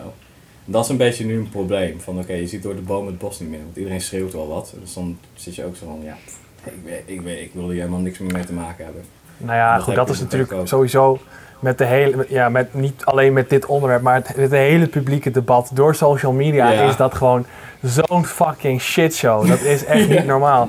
En dat, daarom krijg je juist inderdaad die hele heftige pieken. En dat, ja, niemand zoekt, een, nou ja, normale mensen zoeken natuurlijk wel de nuance op. Maar die hoor je niet, want die worden niet naar voren gebracht, weet je. Ja, en die zitten ook niet de hele dag op Twitter te kijken of ze iemand kunnen betrappen. Die- Nee, die zijn gewoon hun leven aan het leiden. Als normaal hoe meer je gesprekken. dat soort dingen, ja, hoe meer dat soort dingen gaat schreeuwen, hoe groter ook de groep wordt die zich er keihard tegen inzet. En die dan keihard de andere kant op wil. Van oké, nee, we gaan allemaal terug naar de jaren 50 shit, weet je wel, zoiets. Dat heb je dan ook, dat is het probleem. Dat als je een bepaalde eh, berichtgeving hebt, dan moet je ook nadenken over hoe je die, dat bericht eigenlijk gaat zenden. Anders Ja, het probleem, het probleem is dat dat ook iedereen met de meest eh, achterwaartse, inderdaad jaren 50 mening, die kan ook een bericht uitzenden. Dat is het ook vooral. Ja. En dat had je eerst natuurlijk niet. Nee, precies. En dan heb je natuurlijk altijd nog de discussie van eigenlijk moet je dat wel toelaten. Want dan weet je eigenlijk een beetje waar de lipo's zitten. Ja. Ja, maar ja, dat heeft, natuurlijk, dat heeft een versterkend effect nu, dus door social media. Zowel van naar, naar de ene kant op en ook naar de andere kant op. Dat is, ja, precies. Oké. Nou, Terug naar eerste. Dat was één. nou, nu weet je hoe filmers in elkaar zit. Ja. Nou, Alle Af en toe over films. Nou, het zijn wel goede, eh, belangrijke discussies om te voeren. Dit. Moet ik dan eentje voor, eh, voor Pim uitzoeken? Ja, cool. Eh, Oeh, ja, lang lijstje weer. Even kijken. Oh, Back to the Future. Ja, Back to the. Future 3. Ja, ik heb alleen, ik ben wel eh, heel benieuwd, want die film wil ik eigenlijk al sinds die uitkomt zien, maar heb ik nog nooit gezien. Ik weet ook niet waar die over gaat. The Man from UNCLA. Wat? Wat? Uncle, The Man from Uncle. America teaming up with Russia. That doesn't sound very friendly. We'll leave you two to get acquainted. Van Guy het Ritchie. Uncle? Ja. Het is toch, eh, er staan toch puntjes tussen, dan is het toch UNCLA? ja. Ja, je hebt gelijk. ja. ja. Dat is een beetje ja, huilen. ik heb... eh, wat zei je? Dat is een beetje huilen. Beetje huilen. The man from... Ik heb nog nooit gehoord dat iemand zei... Oh, ik heb echt de man from uh, UNCLA UNCLA. Ja, dus- dus jij zegt ook het Marvel's Agents of S-H-I-E-L-D. Ja. Ehm, ja, ik, eh, ik zag hem staan op Netflix. En ik, hoor, ik heb eigenlijk, dat zijn die Guy Ritchie film die volgens mij niemand echt boeiend vindt. En iedereen een soort van is vergeten of zo. Wij waren het zelfs vergeten toen we het over Arthur Legend of the Sword hadden volgens mij. dat hij ja.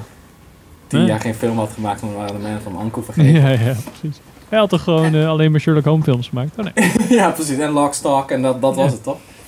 Ja, en ik, ik heb hem aangezet en ik zat er zo van, oh, dat is eigenlijk best wel een hele leuke film. Want het gaat eigenlijk over een Amerikaanse en een Russische agent. Die moeten tijdens de Koude Oorlog, eh, spionnen, eh, moeten tijdens de Koude Oorlog moeten ze een eh, grotere vijand verslaan. Een soort van, eh, een soort van James Bond-achtige villain die dan de hele wereld zo weet je wel, in zijn greep houdt. En dan moeten Ja, ze ja. eigenlijk samenwerken. En eh, ja, het is een soort van, het is met ehm, Superman, Henry Cavill. Henry Cavill Oh ja. en ehm, Army Hammer. Hammer. En, oh, hoe heet ze ook weer? Alicia Vikander zit erin. Oh? En ze spelen heel erg, ja, het is gewoon, In Hugh Grant. ja, Hugh Grant zit er ook in. ja, het is gewoon een hele toffe, leuke, vermakelijke film. Verrassend vermakelijk. Ik hoorde daar alleen maar slechte dingen over. Ja, is slechte dingen, dat een beetje Is dat gemiddeld zo? was. Oh, ik dacht juist dat het wel een goede film was. Nee, hij was wel geflopt ook. Ja, een beetje een zesje was het soort van, weet je wel, eh, Maar is dit nou gewoon een hele lange eh, auditietape van Henry Cavill voor de rol, rol van James Bond? Of? Nee, nee, dit is, het, is, het, neemt hem, het is een beetje als je James Bond en Austin Powers en elke soort van stereotype spion bij elkaar smasht en dan op zijn Guy Ritchie's, dan krijg je dat een beetje. Zo hij is veel te smooth en zo, maar hij gaat ook wel een paar keer op zijn muil en Mhm. dat soort dingen. Je hebt de hele tijd soort van het gevecht tussen de Russische spion en de Amerikaanse spion. Een beetje als eh, Archer, die serie. Ja, een beetje ook als Roger Moore en dat hij die dief speelt, die serie. Ken je dat? The Saint. Ja, de Saint. Een beetje Ja. zo- zo'n Ah. soort ding. Dat is het een beetje. Dat is een beter voorbeeld, denk ik. En dit was natuurlijk ook een tv-serie uit 1964 tot 1968. Daarom kon hij geen James Bond worden. Toen werd Sean Connery het. Door die serie. En die andere, de Crusaders geloof ik. Hij zou de eerste James Bond worden, maar dan kon hij, hij Ja. zat vast aan televisiewerk. Ja, de, Dus dat nee, de Avengers heette dat toch? Die gast met die Nee. boot en de paraplu, of is dat weer iets anders? Nee, ja, da- nee dat, is, dat is weer wat anders. Want Ja. daar heeft Sean Connery later weer een rol in gespeeld in die remake. Oh, ja. Die hele slechte remake in de jaren 90. Ja, en- Dat is dat Met. Connery. Oh, die was vet. Hij was wel cool. Ja, Ja, ik vond hem wel grappig. precies. Die. Oké, maar de Man tof, Uncle, hij staat op Netflix en je raadt hem wel aan. Want het is best wel een toffe eh, Ja. manier van eh, zo'n verhaal vertellen. Als je een grappige actiefilm wil kijken, inderdaad. Met Ja. best wel leuke scènes. Ja, hij is echt Ga ik hem toch nog een keer... eh, ik wist niet dat hij op Netflix stond. Ga ik hem toch nog maar een keer... Het is echt Ja, ode aan dat soort, dat soort series en films. Oké. Het is zeker vet. Oké. Ehm, moet ik nu voor Henk kiezen? Ja. Oké. ehm. nou, volgens mij wil je het heel graag over hebben. Enola Holmes. Oh, ja, ja, kan. Nee, niet per se. Oké, dan kies ik een andere. De beentjes van Sint Hildegard met onze, onze bro Herman Vinkers. Herman Vinkers. Ja, die wil ik nog Nice. steeds zien. En dat ik nu zeg dat ik schijn wil? Ja, die hebben bij elkaar. Die komt nooit meer van elkaar af. Oh. Geen. Nice. Ehm, ja, ik heb de beentjes van Sint Hildegard gekeken. Natuurlijk eh, op aanraden van mijn schoonouders die eh, uit eh, Twente komen. En die hadden hem ook gekeken. Wat ik wel hilarisch vond. Want op het moment dat ik de film heb gekeken dacht ik... Dit gaat eigenlijk over jullie. En jullie zijn een beetje zo. En dat is eigenlijk wel grappig. En het is grappig dat jullie hem grappig vinden. Want hij komt wel heel erg binnen. Ehm, het is dus een Twentse film. Helemaal Twents gesproken. Mhm. Ehm, wat ook wel heel grappig is. Want daardoor heb je allemaal grappige spraakdingetjes, zeg maar, die erbij zitten. En eh, die dan alleen Twentse mensen begrijpen. Of mensen die er al te lang in zo'n familie zitten. En uiteindelijk Ja. ook gewoon wel Twents kunnen luisteren. Hij is wel van Johan eh Nijhuis. Ja, dat zelfs mijn vrouw daarbij zat van oeh. toen, toen hij in beeld kwam, zeg maar, aan het begin, zat zei ze van oeh, is die van Johan Nijhuis? Ehm, maar het is best oké. Ehm, het voelt een beetje, ehm, en ik weet, ik heb niet eh, research gedaan, maar toen we de film hadden gekeken, zat ik zo van, dit is eigenlijk geen, volgens mij geen Johan Nijhuis film. Eigenlijk is het een Herman Vinkers Veel, film. veel te weinig strand zitten in. Nou ja, het, het is veel te weinig B of zo. Het voelt, het voelt niet Trek geregisseerd fix door... zijn shirt uit. Eh, ergens wel, denk ik. Ehm, maar het voelt, ja, zeg maar de, de, de soort van slechte manier van film maken. Wat altijd doordrenkt was in die Johan Nijhuis films, vond ik altijd. Ik heb laatst nog een keer een of andere Johan Nijhuis film gekeken. Samen met mijn vrouw. En toen dacht ik weer van, oh ja, dit soort films. En bij deze film had ik dat helemaal niet. En ik denk dat het komt door Herman Vinkers. Die wel ergens een dikke vinger in de pap heeft gehad door het scenario te schrijven. En toen heeft gedacht, ja, ik wil een film maken. Ik wil hem niet zelf regisseren, want dat vind ik te moeilijk.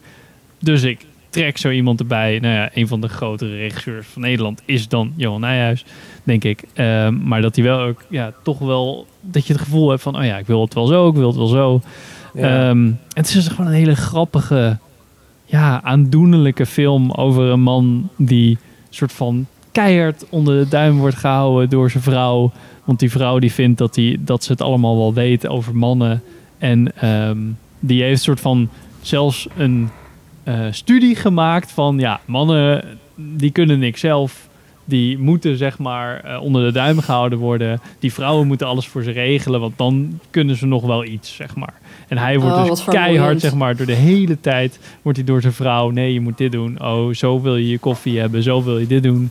En Oh, iedereen wil. Ze, eh, word je helemaal gek van. Maar zo gaat dat wel een beetje in Twente, moet ik zeggen.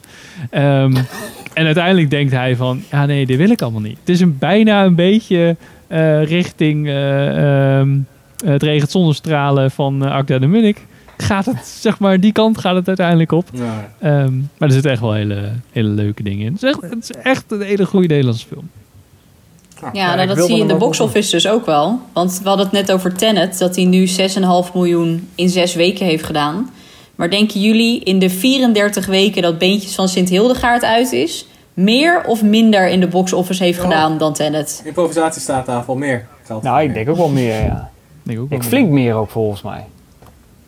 Ik denk ook Denk wel ik. Ja? meer, ja. Ja, want hij heeft natuurlijk voor mij gepiekt voor de corona. En toen is hij Ja, na de corona ook nog weer gaan draaien. Voor mij En hij draait draait nu nog eh, steeds. Hij draait nu dus nog steeds, ja. Dus nu is het 34ste week en hij zit precies op 6,5 miljoen. Dus Strikvraag. het was antwoord C. Ja. Precies. Meer of minder? Ja. Nice. Ja joh, en zelfs qua, per, per- qua precieze aantallen is bij Tenet 6,4 en bij Beentjes van Sint Hildegaard is het 6,57. Dus Wow. eigenlijk Nou. meer. Ja. Oh, we moeten maar een keer heen. Volgende maand als hij nog steeds... Ja, ik had hem eh, gehuurd op eh Pathé thuis. Ja, ik wou net Ah, ja. zeggen, volgens mij staat hij op paté thuis. Ik heb nog eh Ik heb ook nog geld. goed of zo. Ja, ik heb ook nog wel wat staan, ja. Ik ben vergeten dat ik daar geld eh, Ja. voor heb. Of nog in, in heb geïnvesteerd in Pathé thuis. Ehm, Richard. Ga je bij mij kiezen, Henk? Ehm, The Trial of the Chicago 7. We're going to Chicago to protest the Vietnam War. There's no place to be right now but in it. Op Ja. Netflix.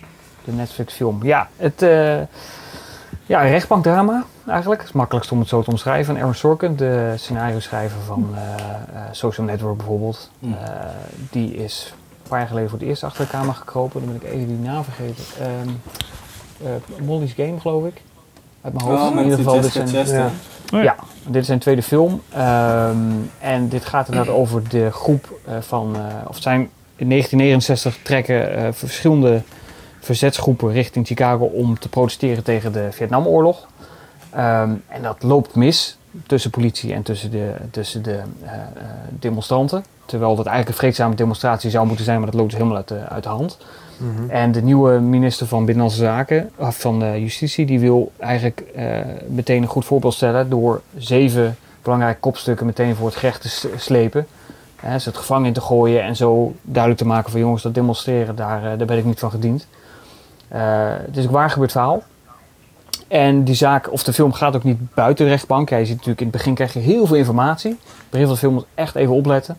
Dat ik dacht van, wow, ik ga het niet allemaal kunnen volgen. Het gaat vrij rap. Het is natuurlijk iets van Amerikaanse geschiedenis. Daar zijn we hier natuurlijk al niet zo bekend mee. Dus dat moet je wel echt even helder hebben.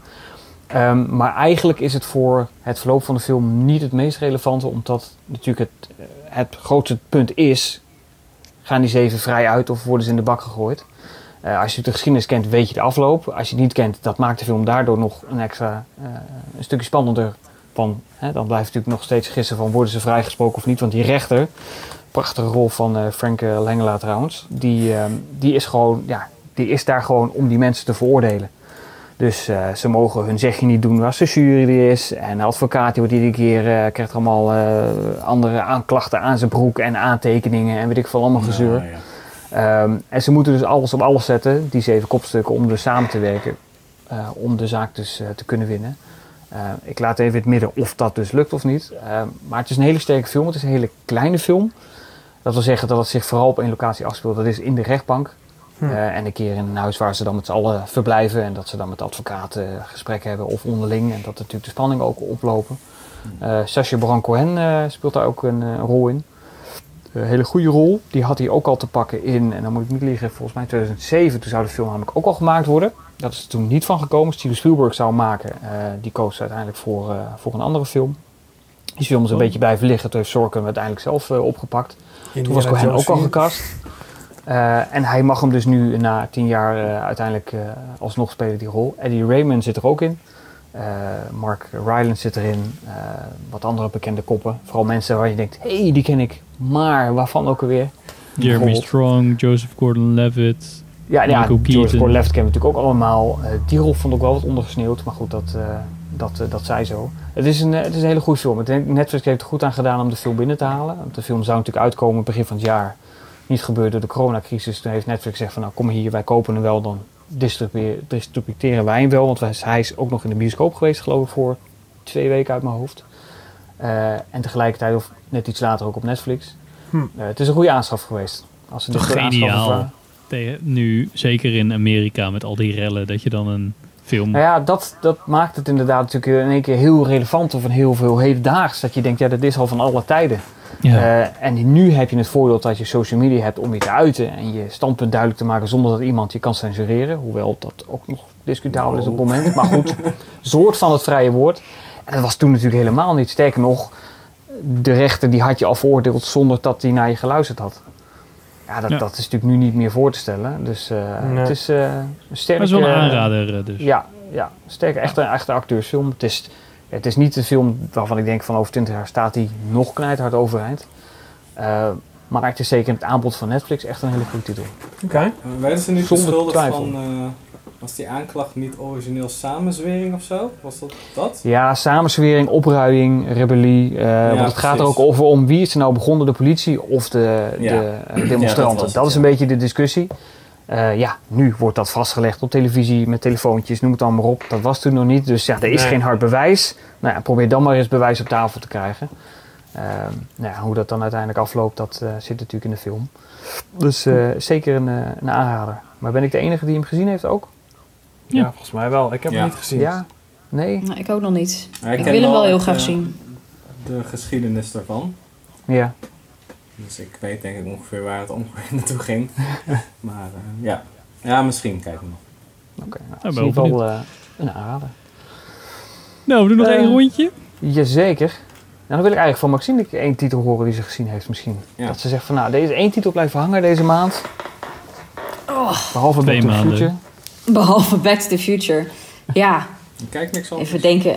Ik, heb, ja, ik kijk alleen maar Back to the Future heel de dag door. nou ja, ik heb toevallig eh, net... Ja, ik weet niet of jullie het gezien hebben, maar het, ik, het is zo steengoed. Ik ben net klaar met The Bridge.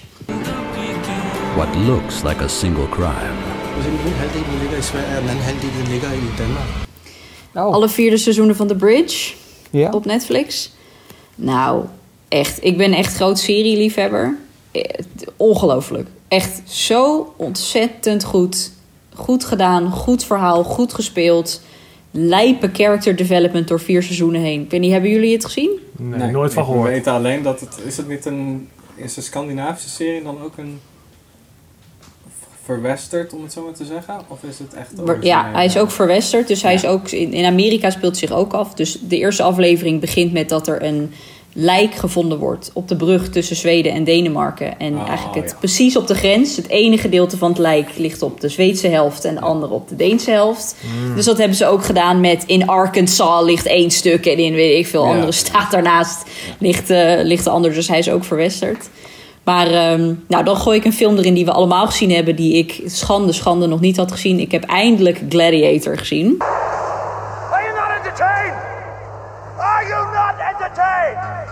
Entertained? Oh, Richard. Jij mag aanvallen. Nee hoor, nee. Ik, nee, ik ben altijd van... Ik ben altijd van het principe, je moet niks. Ik vind altijd, ja, je moet deze film zien. Dan denk ik, nee, ik moet niks.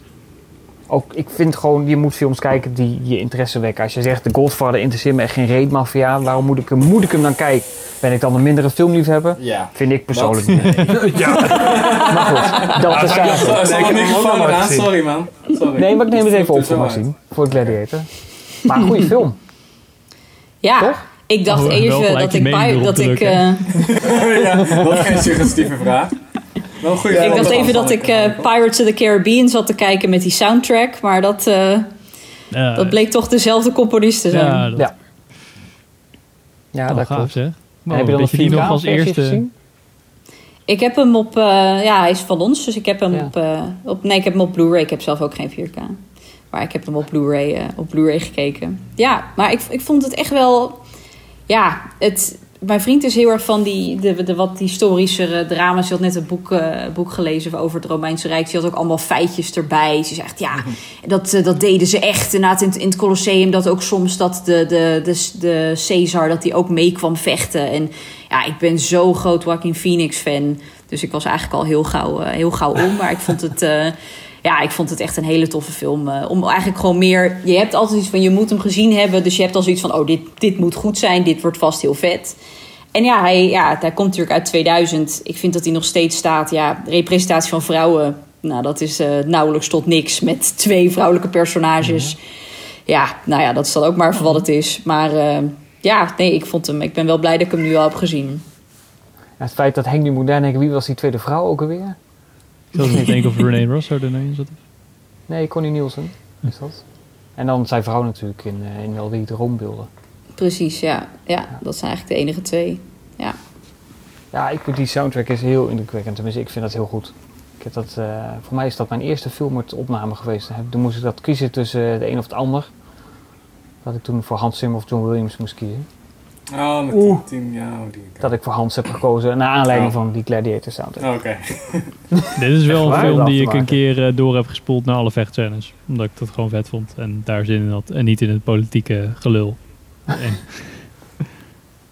Maar zo zwaar is dat toch helemaal niet? Zo, nee, dat is helemaal niet zo. nee, maar als je denkt van ik heb maar, ik heb maar een bepaalde tijd zeg maar. En ik denk oh dit is vet. Oh dit was ook een vet stukje. Oh dit was ook een Ik heb drie stukje. minuten. Om Ja. kijken dat dan de hele tijd soort van eh, zeggen van, ah nee, dit, eh, dit klopt niet. Nee, dit is niet goed. En ook een keer pauze drukken. Nee, het graan was niet zo hoog of zo laag vroeger. Dat Nee, is Niet correct, niet correct. Ja, precies. Fout, fout, waarom heeft hij geen helm op? Eh, ja, eh, Maxime, Sander, wat eh, wil je nog iets? Oh ja, oh, oh, nou, doe nog één rondje. Ja, oké. Ik over Sander. Ja, nog jij een keer. kiezen oh, we gaan nog een keer. Ja, wat leuk. keer. Oh, ik denk dit was hem. Nou, dan Dat pak ik hem er weer dat even nog bij. één Balen, rondje je is. moet eh, we gaan nog een keer alle... Ja, We gaan nog een keer door. Even kijken. Ik neem aan dat je met de social network ook de social network bedoelt en niet de social dilemma. Nee, de social network, inderdaad. Ja, nee, dat, Oké, ja. Eh, nou, die heb ik een hele de. tijd geleden gezien. wat zeg je? Ja, in plaats van net zoals de. met Facebook. Ja, nee, over Facebook inderdaad. Gaan we het daarover Ja. hebben? Ja, ik heb de andere drie op je lijst niet gezien. Dus ik kan daar niet over meepraten. Maar social network... Oké, eh, nou ja, I need to do something substantial in order to get the attention of the clubs. Why? Because they're exclusive and fun, and they lead to a better life. ik vond het... eh, ik heb hem destijds gezien toen hij uitkwam. Hij is uit 2010 uit mijn hoofd. Toch? Nee, het is niet eh zonder de... Het is de, de social network, Henk. Ik ken mijn lore wel een beetje. Nee, eh, ja, ik weet niet. Want ik was toen... Ja, hoe oud was ik toen? 15, zo uit mijn hoofd. Eh, en ik vond dat... Fuck jou. En, eh, ik, ik, vond, ik vond dat toen, ik weet niet, een weinig indrukwekkende film. Ik vond er niet zoveel aan. Maar ik, door de jaren heen kwam je wel de hele tijd terug in, in, in, nou, in dingen die ik hoorde en luisterde als zijnde een, een hele goede film. Van Aaron Sorkin volgens mij. Of nee, David Fincher. Geschreven door. Aaron Sorkin. en ik dacht van ja, goed, ja, misschien moet ik, dat, moet ik hem toch nog maar eens een keer kijken. Want ja, misschien snapte ik het gewoon niet of zo destijds. Dus ik heb hem nu inderdaad weer een keer gekeken. Ik had hem zelfs op Blu-ray, bleek, wist ik helemaal niet. Maar goed, Je hebt een probleem, man. Ja. Word je blackout dronken en dan koop je Blu-rays. Ja, precies. Op Amazon, weet je wel, dat er dan een hele doos komt. ja. En had, de social network. Ja. Nee, maar Dat goed, ik had hem dus gekeken. En eh, ja, ik vond het eigenlijk nu ook wel een hele, hele goede film. Ik was ver, verbaasd, want ik vond hem destijds best wel saai, weet ik nog. En ik was heel erg verbaasd hoe, hoe snel en snappy die eigenlijk was. Er werd eigenlijk geen enkel moment werd verspild in die film. Hij keek lekker weg. En ik zat echt op een gegeven moment lekker erin. En toen was het ineens van, oh, hij is al afgelopen. Want het is natuurlijk, het verhaal van Facebook is natuurlijk, gaat nu veel langer door dan toen. Ja. Dus ik zat eigenlijk nog op een hele hoop andere dingen te wachten die nog gingen gebeuren. Maar ja, die film stopt gewoon op een gegeven moment. Als die rechtszaak... Hoe lang duurt die Ja, film eigenlijk? Is hij, is hij ook twee vrij uur kort? of zo? Twee uur en een kwartier, Oh. zoiets. Nou, dat valt best mee. Ja. Twee uur. En het is echt alleen maar het, eh, inderdaad, eh, het, het ontstaan op Harvard. En dan intercut met die twee rechtszaken die lopen. Eh, met de Winklevoss Brothers en die, eh, die knakker eh, die die genaaid heeft. Ik weet niet hoe weet zijn naam eventjes niet meer. Ja, die rol van eh, Andrew Garfield. Ja, die medeoprichter. En die, dat, die Ja. andere broers, die zijn een soort van tweeling of zo? De Winklevoss Brothers, ja. Ja, door één acteur gespeeld of zoiets. Dat was toen nog wel een big deal. Ook Oh, eh, is dat zo? Army Hammer. Ja, Army Hammer die speelt eh, Ja. die tweeling, toch? Ja. Daar is nog best wel Nou ja. wat eh goede cameratrucjes mee gedaan. Maar daar is David Fincher natuurlijk wel, eh, wel goed ja, in. Die, snapt, die snapt het volgens mij wel. En naast het eh, snappy editing waarmee ze dan de scènes zo hebben gefilmd en dan het ene stukje iets verder naar voren halen, zodat de dialogen iets meer over elkaar heen gaan, waardoor dus de dialogen sneller aanvoelen dan en dat je ze wel dus soort van rustig, eh, hoe zeg je dat, rustig schiet, zodat wel de audio track zeg maar mooi liggen, maar dat je dus de audio dichter bij elkaar haalt. Ah. Waardoor de, de cuts en de, de, de cuts sneller voelen en dat de gesprekken ook echt door elkaar heen lopen. Dat was in deze film Ja, heel dat, erg... eh, dat vooral inderdaad. De hele tijd twee of drie gesprekken tegelijk, maar zonder dat, het, dat je het eh, niet meer begreep. Ja, precies. Maar dat is dus later in de editing eigenlijk verbeterd. In plaats van dat ze dus onzet zeiden van... oh ja, je moet even een soort van half door elkaar heen praten. En dan ja, later weet je dat misschien niet meer. En dan kan je het natuurlijk niet uit elkaar vissen. Nee. Dus hebben ze dat in elkaar geëdit. Dat is wel eh, nee, ik vond goed het gedaan. echt wel een geslaagde, geslaagde film. Oké. Oh, vet. Ik, weet, niet, ik denk dat jullie hem allemaal wel gezien hebben een keer, of niet? Ja, volgens mij wel. Hmm. Ja. Ja, maar je zegt ook, ook. inderdaad eh, toen hij net uitkwam en Ja. sindsdien niet gedacht van... Ook omdat er natuurlijk zoveel ontwikkelingen zijn rondom Facebook... voelt het ergens een beetje zoals van ja... voelt een beetje een soort van outdated. Want nu gebeurt Ja. er natuurlijk... Ik zou nu eigenlijk wel weer een film willen zien van alle shit die er nu weer gebeurt. Ja, precies. Dit voelt eigenlijk totaal niet meer relevant nu. Maar Ik is vond heel een- grappig. Er dat is toch die- een soort van vervolg in de pijpleiding, toch? Meen ik mij. Is dat zo? Ja, zou goed kunnen hoor. Eh, weet ik niet. Niet dat het echt op het punt staat om uit te komen, maar dat er volgens mij wel mee gespeeld wordt. Ik denk Ja, wel dat het, eh, wel- er is genoeg materiaal. In Ja, als je, zo'n, Ja. als je een Ja, beetje zeker. slim, slimme studio bent of eh, producer, dan schrijf je gewoon af en toe wat eh, highlights op van wat er de afgelopen jaar met Facebook is gebeurd. En dan, Nou Ja, toch genoeg- dan heb je wel, kan je genoeg films maken. Want wanneer is die uitgekomen? 2010. 2010. Ik denk ook dat in 2010, toen was natuurlijk Mark Zuckerberg ook nog niet zo'n publiek speler. Maar nu kennen, weet, kennen we Mark Zuckerberg allemaal. En dan zie je hoe goed Jesse Eisenberg is Ja. als Mark Zuckerberg. Ja. Is echt, doet hem Doet echt wel goed, goed. na hoor. Dat klopt. Ja. Ik denk wel dat voor een eventueel vervolg, kijk, dat was natuurlijk destijds helemaal, helemaal mooi. Allemaal een succesverhaal. En dat, dat vertelde hij waarschijnlijk ook graag over hoe dat allemaal gegaan is met de ontwikkeling van Facebook. Maar hij is nu natuurlijk een heel enigmatisch figuur en heel eh, controversieel. Ik denk niet dat het zo makkelijk is om te achterhalen van wat er nou precies allemaal gebeurd is en welke keuzes er gemaakt zijn. Eh, waardoor Facebook inderdaad in de situatie zit waarin ze nu in zitten. Dus ik weet niet of daardoor of het nu nog mogelijk is om een soort gelijke film te maken zonder dat je gelijk in een soort van ja, heel speculatief eh, eh, roddelverhaal terechtkomt. Want Ja. eigenlijk weet niemand precies hoe en wat volgens mij. Ja, het is een beetje, je moet dan, als je het ergens over gaat hebben, vooral nu, is het dat hij tijdens de senaatverhoren zijn verhaal moet doen en dat je dan flashbacks krijgt of zo. Mhm. Ja, Dat is een soort van het format wat ik voor me zie. Dan kan je alles nog ook een beetje... Beetje zoals die Steve Jobs gaan. film Ja. Ja. met Michael Mm. Fassbender. Ja. Ja. Ja, dat je dan... Ja, ik weet niet of je... Ja, je kan natuurlijk met een film ook sympathieker maken. Ik weet niet maar net aan wat voor doel je hebt met zo'n film. Als je natuurlijk eh, ook zijn familieband erbij betrekt. Of zijn vrouw of weet ik veel wat allemaal. Dan kun je natuurlijk in één keer van hem een heel... Ik weet niet dat het... Ik, weet, ik ken die man verder niet. Ik weet niet hoe sympathiek of onsympathiek hij verder is. Maar niet dat Die hij nu heel robot, sympathiek eh. in het nieuws is. Ja, hij is, hij heeft gewoon volgens mij Aspergers of hij is super autistisch. Ja. Zo komt hij in ieder geval over. Ja. Nou, ik kan me, kan me misschien voorstellen dat over, over 30, 40 jaar dat er misschien nog een film eh, uitkomt. Eh, net zoals bij Steve Jobs, dat misschien als hij dan eh, al overleden is of zo. Als hij de paap uit is. Ja. Als hij de pijp uit is. Precies. Henk staat bij mij vast, maar ik weet niet of dat bij iedereen is.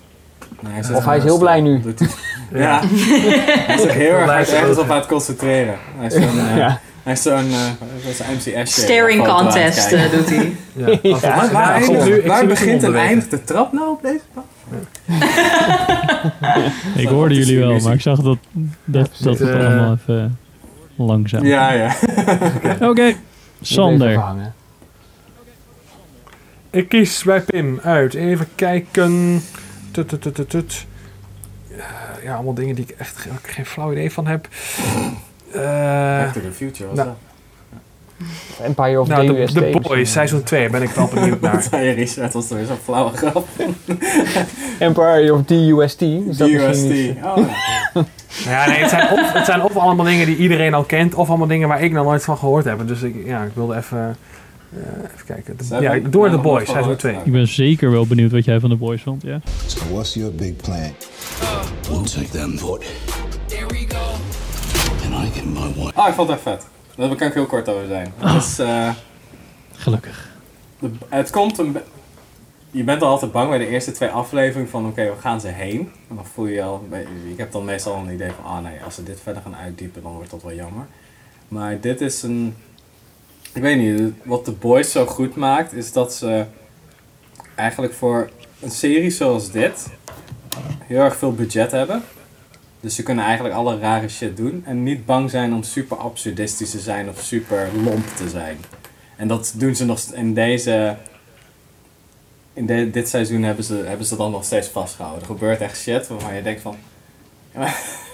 Wacht even, heb ik dit nu echt gezien? Is dit nu echt gewoon een ding? En dan komt er een volgende beat en is het heel serieus emotioneel en dan gebeurt er weer wat. Wat je eigenlijk bij seizoen 1 hebt. En een beetje hoe ze spelen met het feit dat er gewoon allemaal een beetje superhelden rondlopen. Wat eigenlijk gewoon mensen zijn met een totaal trauma aan het feit dat ze of beroemd zijn of een slechte jeugd hebben gehad. Dat wordt heel erg goed ontwikkeld. Vooral bij ehm, Homelander. Die wordt steeds op een bepaalde manier wordt die steeds sympathieker. Of in ieder geval je weet waar die vandaan komt. Dat soort dingen. En dat heb je eigenlijk ook met eh, Butcher. Heb je dat ook heel erg. Die krijgt ook een soort van extra laag nu. En eigenlijk bij alle karakters hebben we wel een soort van iets wat speelt. Wat, waardoor je eigenlijk steeds blijft kijken. En er zit eigenlijk geen karakter tussen die ik vervelend vind of zo. Iedereen heeft een soort van goede plek. En daardoor blijft het ook een beetje lopen.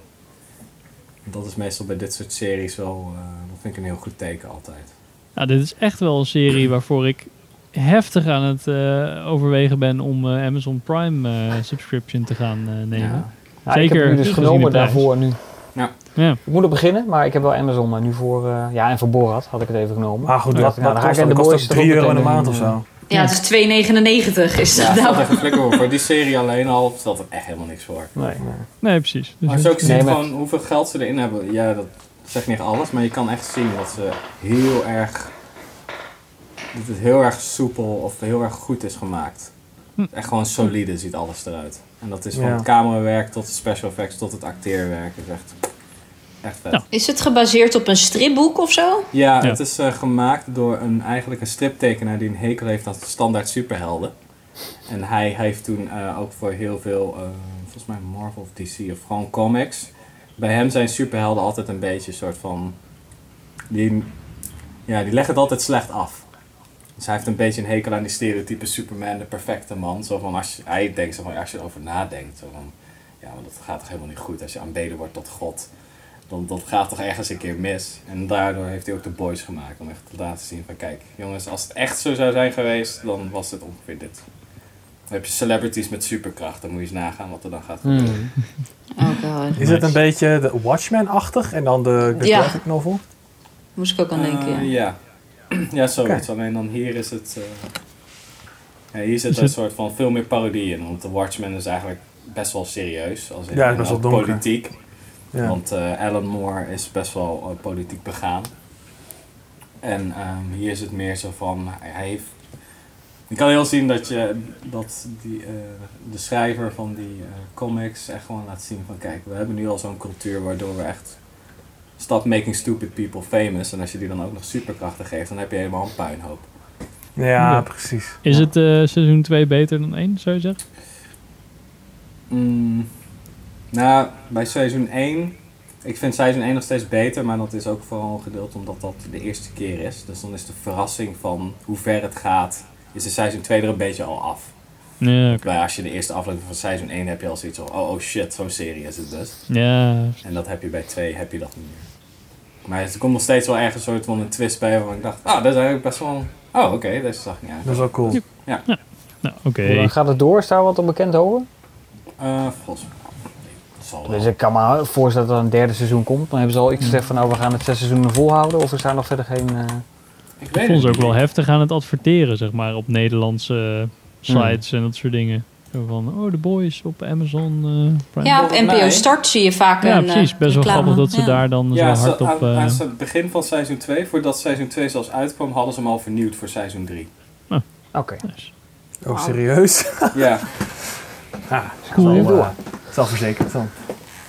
Ja, nou, dat was een goede gok geweest. En ik denk ook dat eh, de coronacrisis er wel wat mee heeft geholpen. Dat als je zo'n serie uitbrengt, dat je al sowieso iets hogere cijfers krijgt. Dus ja, ik denk dat, het gewoon, dat ze een goede afweging hebben gemaakt daarin. Ja, zeker. Ja, echt vet.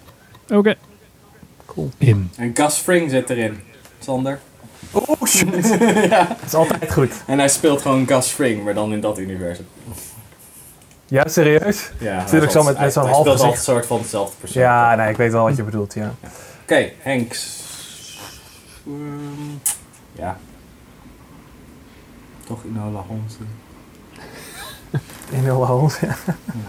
Ja? Ehm, ja, pak het. Ja, Holmes. Hoeft van mij niet, hè? Je snapt. ja, Ah, ja, ah, ik kies Daarom, wat anders uit, hè, jongen. Oké, eh, de social dilemma. We get rewarded by parts, likes, thumbs up, and we conflate that with value and we conflate it with truth. Oké. Ehm, nou, ja, Social Dilemma is een, een Netflix-documentaire over het gebruik van eh, social media. Wat op zich wel op een interessante manier gemaakt is. Want ze hebben dus eh documentaire gemaakt met oud-medewerkers van eh, hoofd van Pinterest, technici van Google, eh, mensen van Facebook, dat soort mensen die ze eh, gaan interviewen daarover. En eh, over verslaving en over hoe, ja, hoe heftig die eh, platformen gemaakt worden om ervoor te zorgen dat je zo lang mogelijk op zo'n platform blijft. En ehm, nou, eigenlijk zeggen ze natuurlijk ook allemaal wel dingen die we allemaal wel weten. Ehm, eh, maar daarnaast hebben ze ook nog een, een, een narratief lopen met echt, echt, echt geschoten, ja, hoe zeg je dat? Echt een soort van film, klein mini-filmpje over een gezin.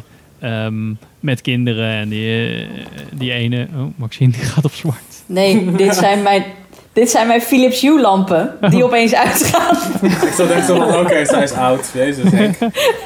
Nice. Nee hoor. Het is zo'n saai Ja, dat- verhaal dat het zo gewoon Dat op doen, ze, afstand dat doen ze bij mij ook, Nee. maar dan om eh, 12 uur of zo. Ehm, maar ze hebben dus een, een stuk geschoten beeld met een gezin. En eh, daarin zit iedereen, behalve eentje natuurlijk, op zijn telefoon. En wat er daarmee gebeurt. En, en een jongen wordt daarin eh, specifiek gevolgd. En dan laten ze ook ja, op een soort van grappig, grappige manier zien hoe dan eh, de personificatie van een algoritme eruit ziet. En dat is dan één dude die drie dudes speelt. Beetje Back to the Future-achtig. Ehm, die dan zegt van, oh ja, we moeten... hey, hij is al even een tijdje niet op Facebook geweest. Of op eh, Instagram gaat dan over. Oh, we moeten even Ehm, van, Ja, dus we moeten even... eh, ja, misschien moeten we nog even een keer zo'n eh, zo'n foto sturen van zo'n zo'n puppy. Dat vindt hij altijd wel leuk. Of van, van zijn... eh, van zijn, eh, zijn eh, degene die die, eh, waar hij altijd foto's van lijkt, zeg maar. Dan sturen ze zo'n notificatie en dan zie je, zie je dat hij, zeg maar, verwikkeld raakt in dat algoritme. En eh, ja, helemaal verslaafd wordt, zeg maar, aan, eh, eh, aan social media tot ja, tot hij uiteindelijk soort van gearresteerd wordt of zo, omdat hij bij een demonstratie staat van. Ehm, ja, ik vond, het wel, ik vond het wel interessant. Ik heb letterlijk na deze docu dat ik deze keek, dacht ik van, oh ja, wij beide hebben we zeg maar nu een timer gezet op, eh, op verschillende apps op onze telefoon. En eh, ja, zijn we er wel bewuster mee bezig, zeg maar. Dat vond ik op zich wel eh, goed dat een docu dat kan doen. Het is natuurlijk wel heel erg ja, getekend of zo. Of heel erg zo van, ja, het gaat heel erg daarover. Ehm, ik vond eh, Zondag met Lubach had daar ook een hele aflevering over. Wat er wel een beetje leem was. Wat hij had gedaan was... De hele aflevering ging eigenlijk over het social dilemma. Dat voelde je gewoon aan alles. Behalve dat hij dus zei... hey, er is een docu op Netflix en die heet The Social Dilemma. Ja. En daar gaat het over. Hij had eigenlijk de hele Nederlandse versie ervan gemaakt. En eh, over dat eh, Lange Frans eh, een YouTube-channel heeft over allemaal complottheorieën. Maar Heel dat vond ik wel het interessant. interessante. Heel Normaal interessant. zeg je heel erg over ehm, social media zorgt ervoor dat je verslaafd raakt, zeg maar. Dan ga je naar dingen naar kijken.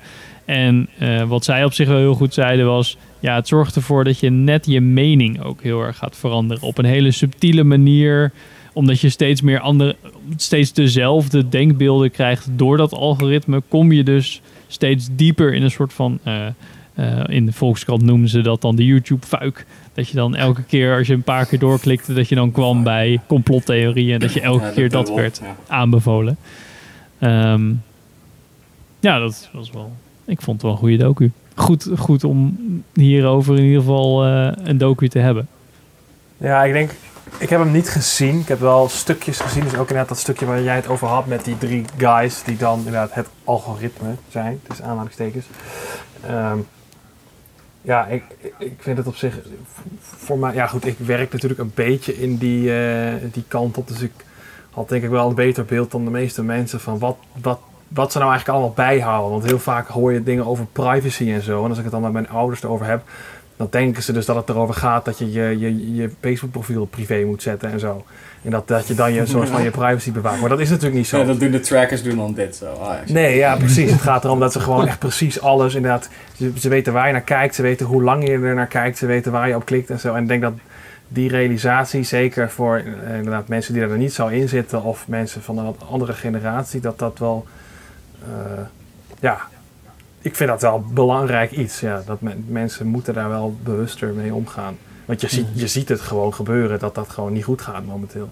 Nou ja, wat ik echt nu zag, impact. eerst bij de Social Dilemma dacht ik van, oh ja, dit voelt heel erg Amerikaans. Want het ging ook een beetje over republikeinen en democraten, zeg maar. Dat je dan heel erg daarin werd gedrukt. En toen dacht ik, oh ja, dat, ja, oké. Maar hè, we zijn toch niet dom in Nederland. Dat dacht ik een beetje. Totdat ik dus die aflevering met zondag met, Lubach zag. En dat ze zeiden, ja, politici worden tegenwoordig dus voor pedofielen uitgescholden. En satani satanische pedofielen. En waar komt dat vandaan? Ja, door video's van YouTube. Waarin Lange Frans zegt dat politici, of in ieder geval de witte elite, dat dat eh, satanische pedofielen zijn. Dat is van, wat? Serieus? Dat is echt zo interessant om te zien, want dat zie je meestal drie jaar eerder gebeuren in Amerika. En dan komt het zo deze kant. op. Ja, dus ik heb die ja. golf al zo van, die Alex Jones golf, die komt dan hier soort van naartoe, om het maar even zo te zeggen. Die eh was altijd wel interessant. Dan heb je maar elke trend, nu vooral, is dat het echt drie jaar later, en dan is het Hm. in Nederland een probleem. Nou ja, ik, ja, ik weet inderdaad. Ik denk inderdaad, dat inderdaad de, de- democraten en republikeinen is natuurlijk eh, het, hetzelfde patroon. Het is een patroon inderdaad, maar dat is Ja. gewoon één instantie van hetzelfde patroon wat zich voordoet. Ja.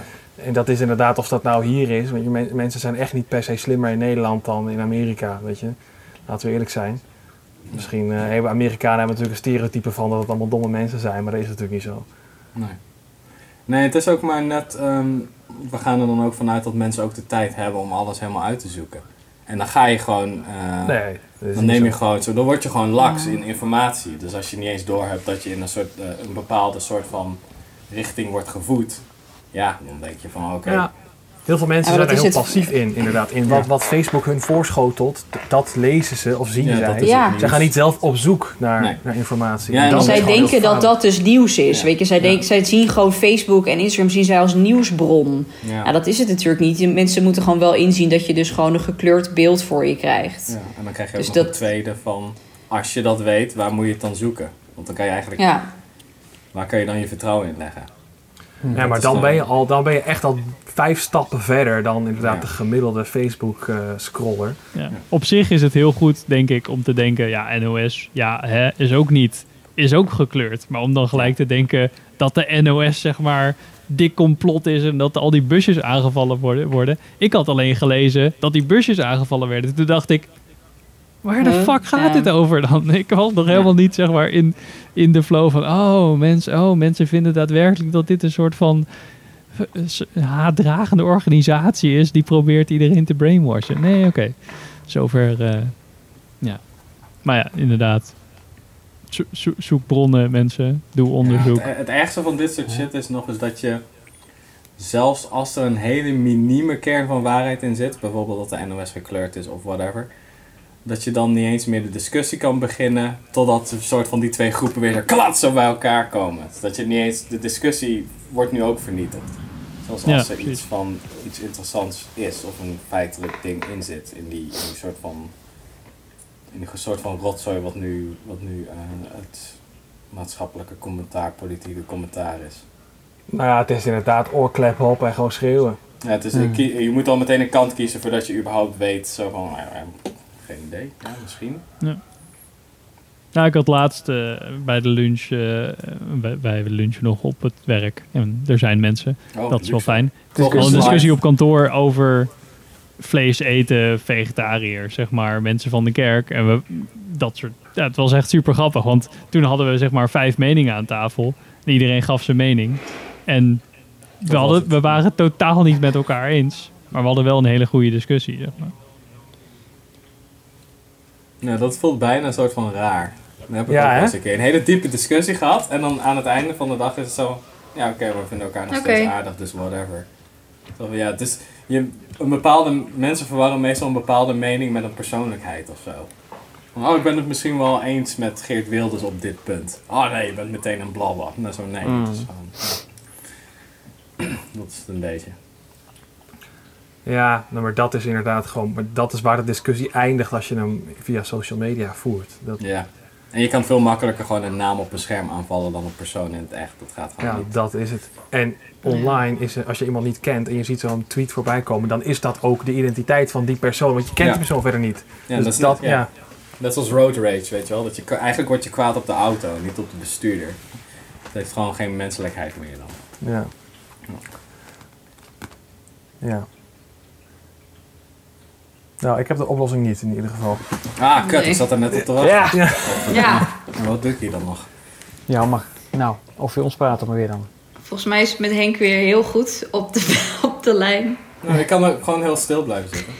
ja, inderdaad. Ik, Ik hoor jullie wel, Allemaal dat niks meer doen. Ja, je, man, bewe- dat je beweegt ook weer. Ja, je beweegt. Ehm, Richard, als laatste. Ja, Henk. The one and only Ivan. Let's give him a great show, okay? The one and only. Ah, ik denk je pakt Borat eruit. Nee, vind ik niet boeiend. Nee, Ah, dude. daar ben ik het mee eens. Flauw. En eh, nou ja, de one and only Ivan, jezus, dan moet ik even teruggaan. Ja, de Disney Plus film, die natuurlijk ook uit zou komen, maar eh, ook op de streaming gekwakt is. Eh, de film over, het, ehm, over de gorilla Ivan. Eh, moet ik het even goed teruggaan. Dat is in, in een eh, winkelcentrum en er zit een heel klein circusje met dieren.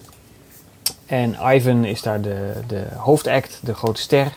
Die doet af en toe een keer dit en eh, nou, een keer brullen. En nou, dat vinden mensen fantastisch. Alleen die, dat, dat circus, daar komen steeds meer bezoekers. Brian Cranston speelt de circusdirecteur. Ja. Ehm, dus hij heeft een nieuwe act nodig en dan komt er een klein olifantje in het circus. Een baby olifantje. En die wordt natuurlijk de nieuwe ster, dus Ivan is een beetje jaloers. Ehm, maar er zit ook al een hele grote olifant in, van 60, 70 jaar oud. Eh, een klein spoiler, niet helemaal, want volgens mij wordt het ook uitgelegd. Die overlijdt. En haar laatste wens is dat het kleine olifantje gewoon weer teruggaat naar waar ze hoort. Dus eh, Ivan besluit om samen met de andere dieren te ontsnappen om eh, het kleine olifantje weer thuis te brengen. Maar ja, Ivan is zelf nooit buiten geweest, want die zit al 30 jaar in dat, in dat winkelcentrum. Dus heeft helemaal geen idee wat er, hoe de echte wereld in elkaar steekt. Dat is een beetje het verhaal. Ehm, Was het een goede Disney Eigenlijk film? het soort van het plot van Madagaskar, bijna. Ja, zo zou je het kunnen noemen. Ja, toch? Eh, alleen daarbij de kanttekening dat het verhaal van Ivan eh, waar gebeurd is. In ieder geval waar gebeurd. Hij is niet ontsnapt, maar er is wel een gorilla in Amerika die Heeft, eh, eh, 30 jaar lang in gevangenschap heeft geleefd Heeft, in een winkelcentrum echte- notabene. Echte Ivan ook de stem van Sam Rockwell, of niet? Ja, dat- Sam dat- Rockwell is inderdaad eh, de stem, maar ik heb hem eh, in het Nederlands gezien, want ik heb natuurlijk naar mijn dochters gekeken. Dus eh, ik weet niet wie de Nederlandse stem doet, maar dat is bij Disney gelukkig wel altijd goed geregeld, de Nederlandse stemmen. Ook zelfs voor een film als The One and Only Ivan. Ehm, ja, het is, het, is, het is een Disney-film. Dat voel je, dat zie je. Eh, het is braaf, het is netjes. Eh, het is ook een film met niet heel groot budget. Dat merk je ook, want het is vooral op het winkelcentrum met dat hele kleine circusje. Het zou bijna een musical kunnen zijn. Dat, dit kun je gewoon perfect op een podium uitbeelden. Ja, en dan heb je eigenlijk het, de, het grootste ankerpunt van de film is de roadtrip. Want dat, daar gaat het naartoe, alleen dat is heel klein. Dus het is een beetje, het is een, eigenlijk zijn, zijn, zijn, zijn selling, zijn unique selling point. Nou, heel, niet helemaal uniek, maar in ieder geval het punt waar de film op de reis van hè, Ivan gaat voor het eerst bij de wereld in, terwijl hij helemaal niet weet hoe de wereld eruit ziet. Daar is eigenlijk heel minimaal. Het gaat meer over, zoals die snippet betaamt, vriendschap, familie, eh, jezelf terugvinden. ehm, niet maar accepteren dat de dingen zijn zoals ze zijn, omdat ze zo goed voelen. Ehm, en natuurlijk wat bij Ivan ook eh, de rol speelt, is dat mensen natuurlijk op een gegeven moment in opstand komen van... hé, hey, deze dieren zitten hier allemaal opgesloten en dat is natuurlijk vet zielig. Ehm, dus daar, daar, daar speelt de film heel erg mee. Het is, het is zoetsappig, het is niet slecht, het is ook niet goed. Het is zo'n film die je zegt van, ja, die geef ik drie sterren. Weet je wel, dus het is ook tussenin. Je durft het ook geen, geen, geen 2,5 te geven, maar je wil ook geen 3,5 geven. Het zweeft er een beetje tussen. Het is niet de film om Disney Plus te nemen. Ik weet ook niet of ik hem zou kijken als ik geen dochters had gehad of geen kinderen had gehad. Dat weet ik eigenlijk niet. Hmm. Ehm, dus Henk, in jouw geval, misschien moet je nog even een paar jaartjes wachten. Dan kun je, kun je hem kijken. Dan kijk je de 4K remaster. Ja, zeker. Dus eh, het, is, het is een aardige film. Maar ja, het is leuk dat hij op Disney Plus staat. Want iedere keer op het moment dat ik denk van nou zeg ik het weer op, dan zit er toch weer iets dat ik denk, nou ik wil toch even kijken. En dat was met Ivan natuurlijk eh, in september het, eh, het geval. Ja, nu in oktober met, hoe heet dat? Mandalorian. Mandalorian. Dus er is altijd wel wat. Dus, Hamilton. Hamilton, ja, ik, die heb ik ook gezien. Dat is trouwens ook fantastisch hoor, die musical. Oh, nou, Heb ik heb hem al vijf, vijftien keer gekeken of Is zo. dat fantastisch of niet? Oh, ik, ja, geweldig. Echt fantastisch. Ja, hè? Ik vind het, ja, Ik, ik, dit, nou, even voor de andere drie, want die zitten nu met eh, grote puppyogen te kijken wat, eh, wat er nu gebeurt. wat is dit? Ja, dus eigenlijk gaat het over de eh, eh, president van de 16 Ja. over Washington. Het, alleen het wordt allemaal gespeeld door een heel gekleurd toneel- eh, gezelschap. Dus het is niet dat ze per se alleen blanke mannen zijn. Het is helemaal door elkaar. En het is van de eerste minuut tot de laatste minuut is het eigenlijk een rap. Zo moet ik het ja, misschien heel onderbiedig zo Ja. zeggen. Het is echt helemaal allemaal rapmuziek. En het is zo fantastisch gedaan. Het zijn Echt waanzinnig. 45 nummers, omdat hij 45 jaar geleefd heeft. Hij is 45 geworden, eh, Hamilton. Ja. En echt, ja, hij, Lin-Manuel Miranda, de maker, die vond het verhaal van hem vond hij gewoon zo gangster. Dat hij echt dacht, ja, hier moet, ik, hier moet ik gewoon wat mee doen. En het is echt een heel erg verhaal, wat echt ja, best wel ondergeschoven is in Amerika. Mensen weten eigenlijk niet voldoende dat Hamilton was ook een van de founding fathers. Staat op, de, op het briefje van 10 dollar. Maar wat weten we nou eigenlijk van hem? Was ook immigrants, we get the job done. Dat is natuurlijk echt heel erg daar, eh, daaruit voortgekomen. En ja, het, het, ik, ik, mijn, mijn moeder is Amerikaanse, dus ik, eh, ik krijg heel veel ervan mee. Ik heb ook een Amerikaans paspoort, ik mag ook stemmen. Dus ik, ik zit ook helemaal in de Amerikaanse cultuur en, en politiek. En eh, ik had het hier bijvoorbeeld met mijn baas over. Die zei, ja, Hamilton, waarom moet ik dat kijken? Dat voelt gewoon als een soort van ja, groep 5 project. Van, oh, we gaan rappen over de geschiedenis. Dan dacht ik, ja, misschien dat er toch nog ja, als je het niet interessant vindt, dat je dan denkt van ja, het is misschien toch niet voor mensen die niet uit Amerika komen of niet voldoende weten van de geschiedenis. Misschien ja, voelt het net een beetje afstandelijk. Maar als je iets meer weet van, van Amerika en iets meer wil weten over ja, waarom, hoe Amerika is ontstaan. En dan ook nog leuke, catchy rapmuziek wil horen. Dan eh, zit je met Hamilton helemaal goed. Ja. Ja, ik vond echt... eh, Amerikaanse podcast konden er echt vorig jaar niet over ophouden. Ik werd er echt helemaal mee doodgegooid elke aflevering. Ja, overal. wel weer Ja, naar. Hamilton Ja. waren geweest. En, oh, jeez. Maar dit zou wel echt dat je, als je zegt van ik wil een maandje Disney Plus, dan zou dit wel een titel zijn om het te Hmm. nemen. Dat, eh Die je dat moet stond nog zien. zonder twijfel. Ja, Hij ook 2,5 uur volgens mij. Ook Hij vrij- duurt heel Een lang. musical van 2,5 uur. Ja, Ja. zoiets. 2,5 uur. Nee. Ik lees al Oké. het boek over Alexander Hamilton. Ja, het boek is ook heel goed. Nou, on that note, hè? een van de Mhm. 45. Benieuwd. Bijna. Dankjewel voor het kijken. Dankjewel voor het meedoen iedereen. Leuk dat we weer terug zijn met de podcast. Maar heel even, maar iets meer dan een maandje vakantie. Maar Ja, toch, We hebben één aflevering geskipt.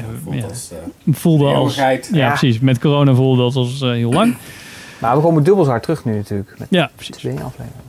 leuk dat je erbij was, eh, Maxine. Ja, zeker. Hartstikke leuk dat ik erbij mocht zijn. Leuk om het natuurlijk een keer van dichtbij eh, mee te maken. En Double Trouble, soort van dat je eh, komende eh, weken ook nog in de eh, Back to the Future special zit. Zoals Ik kom back. Ja. Yeah. Cool.